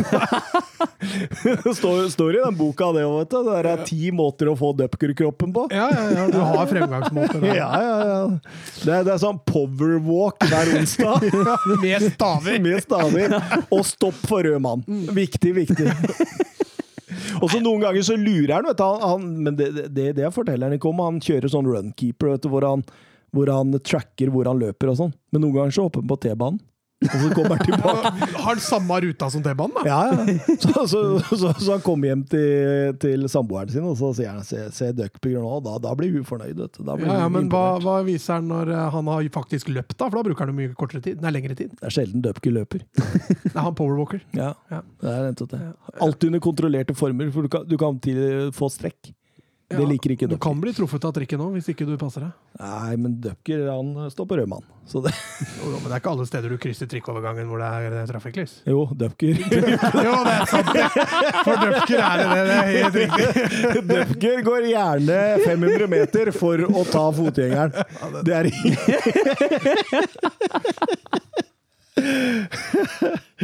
Men eh, over til kampen. Eh, Paris Saint-Germain får straffe eh, fem minutter før slutt, og eh, Mbappe setter den sjøl. Blir tatt der. Voldsomt tempo når han blir tatt. Det er enorm styrke og gjennombruddshissighet der. Det virker som han har bestemt seg. Ja. Bestemt seg for at nå skal jeg avgjøre det. Og, og bli tatt og sette straffa der. Og da tenker du OK, Paris Saint-Germain, dere klarte det fram til to minutter på overtid. Ja, vi får jo faktisk servert to mål på overtid der. Eh, dramatisk avslutning på kampen. og Sant, igjen får først 2-2, og da tror du jo nesten ikke dine egne øyne. altså. For Det første jeg tenkte, var for en tabbe av Sergio Rico. Mm. For altså, for første øyekast. ja, ja. Men så ser jeg at okay, ok, det er faktisk en decent redning. Det er bare det at han ikke får den vekk. altså, Fordi han, han redder den jo, og returen går jo rett til uh, godeste, hva han heter igjen, uh, Hamoma. Uttalte du det riktig? Hamoma? Hamoma? Ja, det må jo være det. Hamoma. Roman Hamoma. Mm. Eh, og da er det 2-2, og eh, det, det trykket PSG setter opp da, med at det, eh, det er ganske voldsomt. Mm. Og Di Maria banker den i stolpen fra corneren, og det er totalt Texas. Nei, Jeg så som sagt bare highlights, sa jeg nå, så Mm. der jeg har ikke sett uh... Men så kommer Vandanara og hele dynastiet. Og skinner fem minutter på overtid, Upker. Ja, header inn fra tre meter, han. Hoppa høyest. Nydelig Di, Di Maria-forarbeid. Ja, det var det. Eh, Klasse. Jeg syns jo, den, eh, jeg synes jo Di Maria har flere aksjer i det målet enn det Icardi har, men uh... Han må stå der og vinne Ja. duellen på Ja, bakre. Og det, det er bra satt. Eh, Icardi er en måltyv, det. det, altså, det er jo litt rann å si da, når du har eh, Du kan ta ut de tre du gjør når du er lei, og så setter du inn Icardi Di Maria og Verratti. altså, hvis du ser hvem Du ja, ja. bytter er bedre. Ja, altså greit nok uh, Adil Achil, som spilte for Sankt Etienne, han er sexy også, men uh, bortsett fra han, så var ikke det, det er ikke samme nivå på byttene Sankt Etienne har. altså. Det er ikke det. Det er ikke det. Eh, Mbappe er nå nummer tre på all time high-lista over skåringer i Paris Saint-Germain. Visste dere det? Skal du ha noe med en og to år? Ja, gjør det. Kavani? Ja. Oi! Sterkt. Cavani Men vi må litt lenger tilbake på den andre. Mm. Ja, ja, nei. Altså, vi må ikke det. Zlatan, da? Ja. Cavani har 138 mål i klubbhistorien, og det er rekord. Eh, Zlatan har 113, og Mbappe er nå på 87. Ikke mer. Nei. Nei, Føler han, han har skåret i ti år, jeg. Men det er kanskje for Monaco. han er ganske ung igjen, da. Eh, når vi da tar med, tar med at Lille og Montpellier spilte 1-1 eh, Bordeaux eh, ble knust av Monaco eh, med 0-3 der. Eh, Kevin Folland var en av målskårerne, Søren. Ja. Eh, Chouameni nok en gang banens beste. Enorm kamp av han. Eh, hadde også assisten til Gelson Martins, som er tilbake fra skade der, på 0-2. Og at Lyon hadde en sånn litt sånn krangleseier. Litt sånn ah, Den var tung likevel, liksom. Måtte ned i kjelleren litt, men uh, klarte å til slutt ta annen. Så, så, så er det Lill på 70 poeng som leder. Det er PSG nummer to på 69. Det er Monaco nummer tre på 68. Og det er Lyon på fjerde på 67. Det er sjukehus. Ja, det er gøy. Det er sjukehus. Tettheten og jevnheten der er det vel ingenting å si på. Den er, altså, det er ganske jevnt i Spania, altså, men der er det sjukehus, ja. Jeg er så glad jeg, for at vi begynte å følge Ligø. Det er så morsomt. Ja, det er, eh, altså, og du skjønner hva det mener med talentenes liga. Altså, Ja. For det er, det, er, det, Florerer. ja, det er helt enormt. Mange morsomme spillere, altså. Ja, ja. Det er mange morsomme. Og du, altså, ba, bare det, liksom. Altså, hvis du tar utafor den der øverste, mm, øverste fire-fem laga, da, så finner du jo spillere som Kamavinga og Archiche Gu- og Guri. Og det, det, det, det finnes så mye nedover der som det er fantastisk å se på. Det er, det, det er morsom liga. Rett og slett morsom liga. Det er gøy å følge PSG også i den litt sånn kranglete ligasesongen de har hatt. Ja, det er ikke sikkert det hadde vært like interessant hvis PSG nå leda med 20 poeng. Nei, det er nettopp det. Det er nettopp det. Eh, vi går over til eh, et Twitter-spørsmål av Geir Halvor Kleiva, for vi vi har jo et mål å svare på alt av spørsmål og innspill. og Kleiva han klarte å sende dette under sending sist eh, episode, så da må vi ta med, eh, ta med det nå. Eh, han skriver datoen er 13. april 2021. Nei, det er den ikke, men nok om det. Hvem er topp fem midtbaneanker akkurat nå? Casemiro slenger jeg. Ja, jeg tenker Casemiro. og Så tenker jeg jeg Spørs hvilken grad man kan betegne ham som anker, men jeg syns ikke vi kan ha den lista uten Joshua Kimmich. Uh, og så tenker jeg også Fabinho må inn der. Mm. Der nevnte du de topp tre jeg satte opp. Mm. Jeg satt Casemiro, Fabinho, Kimmich. Er vi enige i den rekkefølga der? Ja, den, er- den er jevn, altså. Jeg syns kanskje Kimmich bør være én plass høyere. Men uh, Ja, at han er bedre enn Fabinho? ja, men det er litt Nei, jeg vet Altså Greia der er da at Kimmich er nok utvilsomt best av de tre offensivt. mm, Eh, mens Casemiro og Fabinho gjør nok utvilsomt den beste jobben defensivt. Og hvis du da setter ankeret, da, hvor det defensive strengt tatt kanskje er det viktigste Ja, det Litt det. avhengig av hvilken klubb du spiller for, selvfølgelig. Eh, så setter jeg nok jeg også Casemiro og Fabinho. Ja, hvis man vinkler det sånn, er jeg enig. Har vi nummer fire og fem, da? Han spør om fem her. Ja, Thomas Edvardsen, da. Ja, jeg, Ja, vi kan var, sette deg på nummer fem. Åh, jeg var et strålende anker, ass. Oi, oi, oi, jeg takla. Rødt kort annenhver kamp. Nei, det hadde du ikke. Neida. Så ille var det ikke. Neida. Ja, så topp fem anker Ja. Kan jeg kaste ut noen navn, og så kan dere plassere dem? Ja, det er greit, det. Declan Rice, Wilfred Ndidi, Aurelie, Aurelien eh, Chouameni, Han prøvde jo du å selge inn eh, tidligere. nå, Altså. Kanté, eh, Pierre Elmil Høibjerg, Nei, Nei, jeg syns Didi på fjerde. Ndidi. Ja, jeg syns det. Ja. Jeg en Didi er Men, så, men. Kanté for to sesonger siden, hvor hadde han vært? Og på Kanté for to sesonger siden var topp tre. Ja. Eh, Topp én, eller? Ja, til og med det, kanskje. Ja, Ja. Han hadde nok kriga med Nei da. Casemiro for Ja. noen sesonger siden. Casemiro, husker vi dissa han? Ja, ja. Voldsomt òg. Men, det- men, men det var jo en periode der han var avslått. Ja, men det var i starten av podkast, og det er vel snart to år siden. Ja. Da var han avslått. Da husker jeg han var ræva, altså. Men de siste to åra har vært strøk. Ja, absolutt. Han har vokst voldsomt og er, er nok den beste. Men uh, Ndidi på fjerde, sier dere? Ja, jeg syns, jeg syns ikke Conté, hvis vi snakker akkurat nå, uh, kommer med deg. Declan Rice, da, eller? Ja. Chouameni. Han dominerer i Monaco for tida. Ja, det er, eh, Guttungen. Guttungen. Ja, men altså, greia er at jeg har ikke sett alle Westham-kamper. Jeg har i hvert fall ikke sett alle Monaco-kampene. Så jeg er veldig litt sånn inhabil her, føler jeg. Eh, Da tar jeg heller Busquets. Nei, han er ikke der.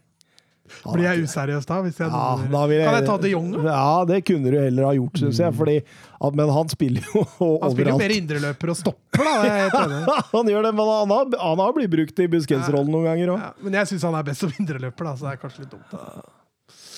Og klikka han Nei, Kan inn- ikke jeg få Chouameni på femta? ja, OK, da. Jeg har ikke noen sterke følelser. Deilig, deilig, deilig.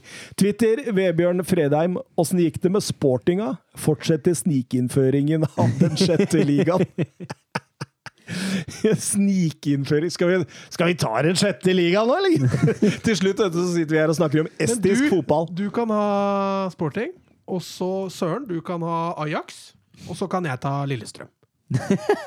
Lillestrøm, er det noe Ja, det er, det er faktisk noen som følger med nå. Men, ja, ja, vi har jo men- fått noen spørsmål om vi ikke Ja. kan ta litt norsk. Da, vet du. men uh, Thomas Corner. Li- Lillestrøm, den får du gratis, altså. Ja, nettopp. Ja. Null jobb videre. Dere får bare kjøre. Ja, Altså. men greit, da. Jeg kan ta GIF Sundsvall, hvis det er bedre. Noe svensk? Celtic, da. Ja, da, Nei, skotsk, det er jo bare ett lag. Nei, nå er det kanskje to nå, da. Når Rangers ja, ja. Men, men, men la oss tenke nå. Hvis, hvis de hadde tatt CSKA Moskva. Fy Bashakshir. Olympiakos. Nå er vi på dypt vann, altså. Dynamo Kiev. Nå er vi på dypt vann. Ja, Young, Boys Bern. RSC Anderlecht. RB Salzburg? Ja. Men jeg kan godt ta Wisla Krakow. Der har vi jo vært. Ja, stemmer det. stemmer Det Det var gøy. Det var gøy. Det var gøy. Bra pyroshow og Ja, masse øl og Nei, sorry, digresjon. Fortsett. Nei, men, men, men, det, det var morsomt. Ja, men vi kan diskutere seinere. Sporting, ja. Den sjette ligaen. De vant eh, 0-1 borte mot uh, Farense. Uh, målskårer, selvfølgelig.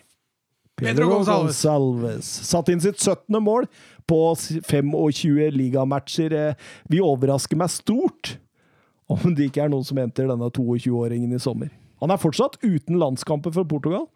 Så, Den veien for Portugal er, Han spiller jo en rolle hvor han konkurrerer med Bruno Fernandes. Altså. Men uh, Den er litt langt fram, og du ser jo på den konkurrerer om den plassen. Og, og, og Ruben Neve spiller kanskje litt mer sittende. men, ut, ja. Utkant. Nei, nei, nå, nå tenkte jeg på Neto. Jeg. Ja, Det er tenker, voldsomt mye gode spillere. men allikevel, når du ser Portugal sitt landslag, så er det ikke sånn Nei. Men de mangler noen sånne Når font fortsatt er der, liksom, Ja, så er det litt sånn ah, og så har du Nelson Semedo på høyrebekken plutselig Ja. dukker opp. Og... Men du har jo, du har jo Altså, Portugal-laget, vet du. Åh. Altså, eh, Cancelo og Guerreiro på hver sin bekk, det er jo Ja, og så har du jo. Ruben Diaz Diaz, stopper. Du har eh, Ronaldo framme der. Joao Felix, Du har Felix framme der. Neto Ja, Ruben Neves, Neves. eh, Mot- Moutinho er kanskje litt dumt å nevne. Bruno Fernandes. holder fortsatt. Yota.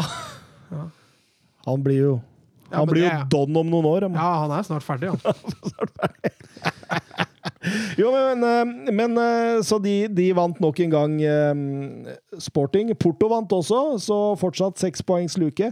Benfica seks poeng etter det. Så det er de tre store som Men jeg tror ikke, tror ikke Amorim og gjengen roter dette bort. De taper jo ikke fotballkamper. Ja, vi får se nå, da, når han drar til Tottenham, om, om, de greier å, å, å, å klå dette i land uten Amorim. Det hadde vært veldig gøy å få Amorim til Tottenham. Men det Hadde du tatt han imot, altså? Ja. Ume, umerittert såpass? Ja, ja, ja. Jeg blitt... Du har, du har scouta han nok til at du veit at blitt dette er forelska i han, rett og slett. såpass? Ja. Veit du om han kan engelsk? Ja? Nei, det tror jeg ikke. Men han får dra den der tolken som Pochettino hadde i, sin, i starten på karrieren sin i England.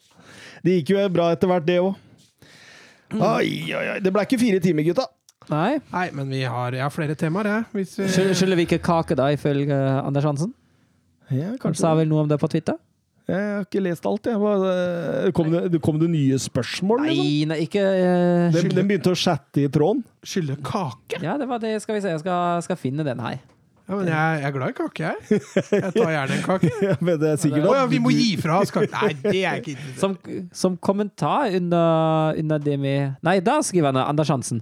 Om ikke dette blir lengderekord, så skylder panelet en kake, pluss at sønnen kan velge mellom å gi meg en klem eller et mandalsnuss. Kommer an på hvor mye hat han føler i øyeblikket. Ta et mandalsnuss, du, Søren. Det er tryggest. Nei, det blir Det er, klem. det, er, det er mye fine sånne vi har hatt opp gjennom tidene her, da. Hvis du skal mimre litt tilbake, liksom, med Mandalsnuss og og eh, Søren hater-spalten og Thomas som egentlig har rett. Ja, og har hun penn? og dine mattekunnskaper. Og det, det har vært mye moro. Det har vært mye moro. vært Og mer skal skal det bli. Ja, og mer skal det bli. Det er det ingen tvil om. Det husker vi også lanserte at det skulle være en haug med homofile mannfolk å vente på oss utafor studio! Jo, det Har vi gjort det? det var når vi, eh, vi gir alle lyttere det vi, de vil ha. Oh, ja. Og, vi har bare sa homofile du, lyttere? U, u, nei, men du, du sa under begren, hvite begrensninger, eller fysiske Sånn. begrensninger, da. Sånn. Og så blei det spinna på, da, vet du. Da nå tiltrekker vi oss eh, Men det hadde vært hyggelig, Søren. Vi dytter Søren Det er jo eneste han som kommer med skjorte i studio, så Skjorte og sideskill, da Nei da. Jeg skal ikke, skal ikke plage noen, holdt jeg på å si. Skal ikke snakke om noen. eh, Det er bare hyggelig. For all del. Eh, er vi fornøyde, eller? Ja. Eller skal vi snakke ett minutt til, sånn at vi får akkurat to og en halv time? ja, vi kan snakke et minutt til. Vi kan, Schalke har rykket ned i dag, det kan jeg si. Ja, De tapte 1-0 i Bielefeld og er nå for, borte for godt. tenk det. Tenk det, etter 30 år. Mm. Første gang, ja, ja. første gang på 30 år at de rykker ned. Så. Ja, det er faktisk det er litt Er, vemodig. er, er de nærme Ragnhild, eller er det helt kaldt? Jeg tror det er helt kaldt, ja. Ja. Er det ikke litt vemodig, da? Eller syns du det er greit? Altså, jeg person... Jeg, Altså, klubben da, drit i de som styrer og steller. ja, altså for, kl- for klubbens del, ja. Jeg var jo på, på Arena og Schalke, og jeg opplevde det som, eh, som veldig hyggelige uh, hjemmesupporter og veldig god stemning. Så det er klart at det er jo en stor klubb som forsvinner, ikke noe tvil om. Og det er jo objektivt sett synd for Bundesligaen og så store klubber skal kjøres. Hamburg og Ja. Ja, det er jo en klubb som er stor, men jeg, jeg mener at både Hamburg og Schalke har fått det litt som fortjent. da. mm. Men rent, rent klubbmessig er jeg helt enig i at det er trist. Men Frankfurt vant i dag, da. Det var trist. Det, det var Nå ikke så gikk bra. de vel forbi Wolfsburg? gjorde de? Jeg har jo en kamp til gode, da, den mot Stuttgart. André Silva, eller? Å uh, oh ja, du skal ha måla. Jeg er på Bayern jeg nå, skjønner du. Der var det nemlig Sjopo Moting, stjernespissen, som uh, Hvem kamp var det du skulle ha? Det var Eintracht Frankfurt? Ja, var Eh, ja, han skåra Ja. sammen med Martin Hinteregger. Corner, eller? Nei, det var Raid! Tok en, tok en Fabinho. Jeg er Messi, jeg er Messi! Nei, nå må vi gi oss! Eh, vi høres igjen neste tirsdag. Vi snakes. Ha det. Ha det.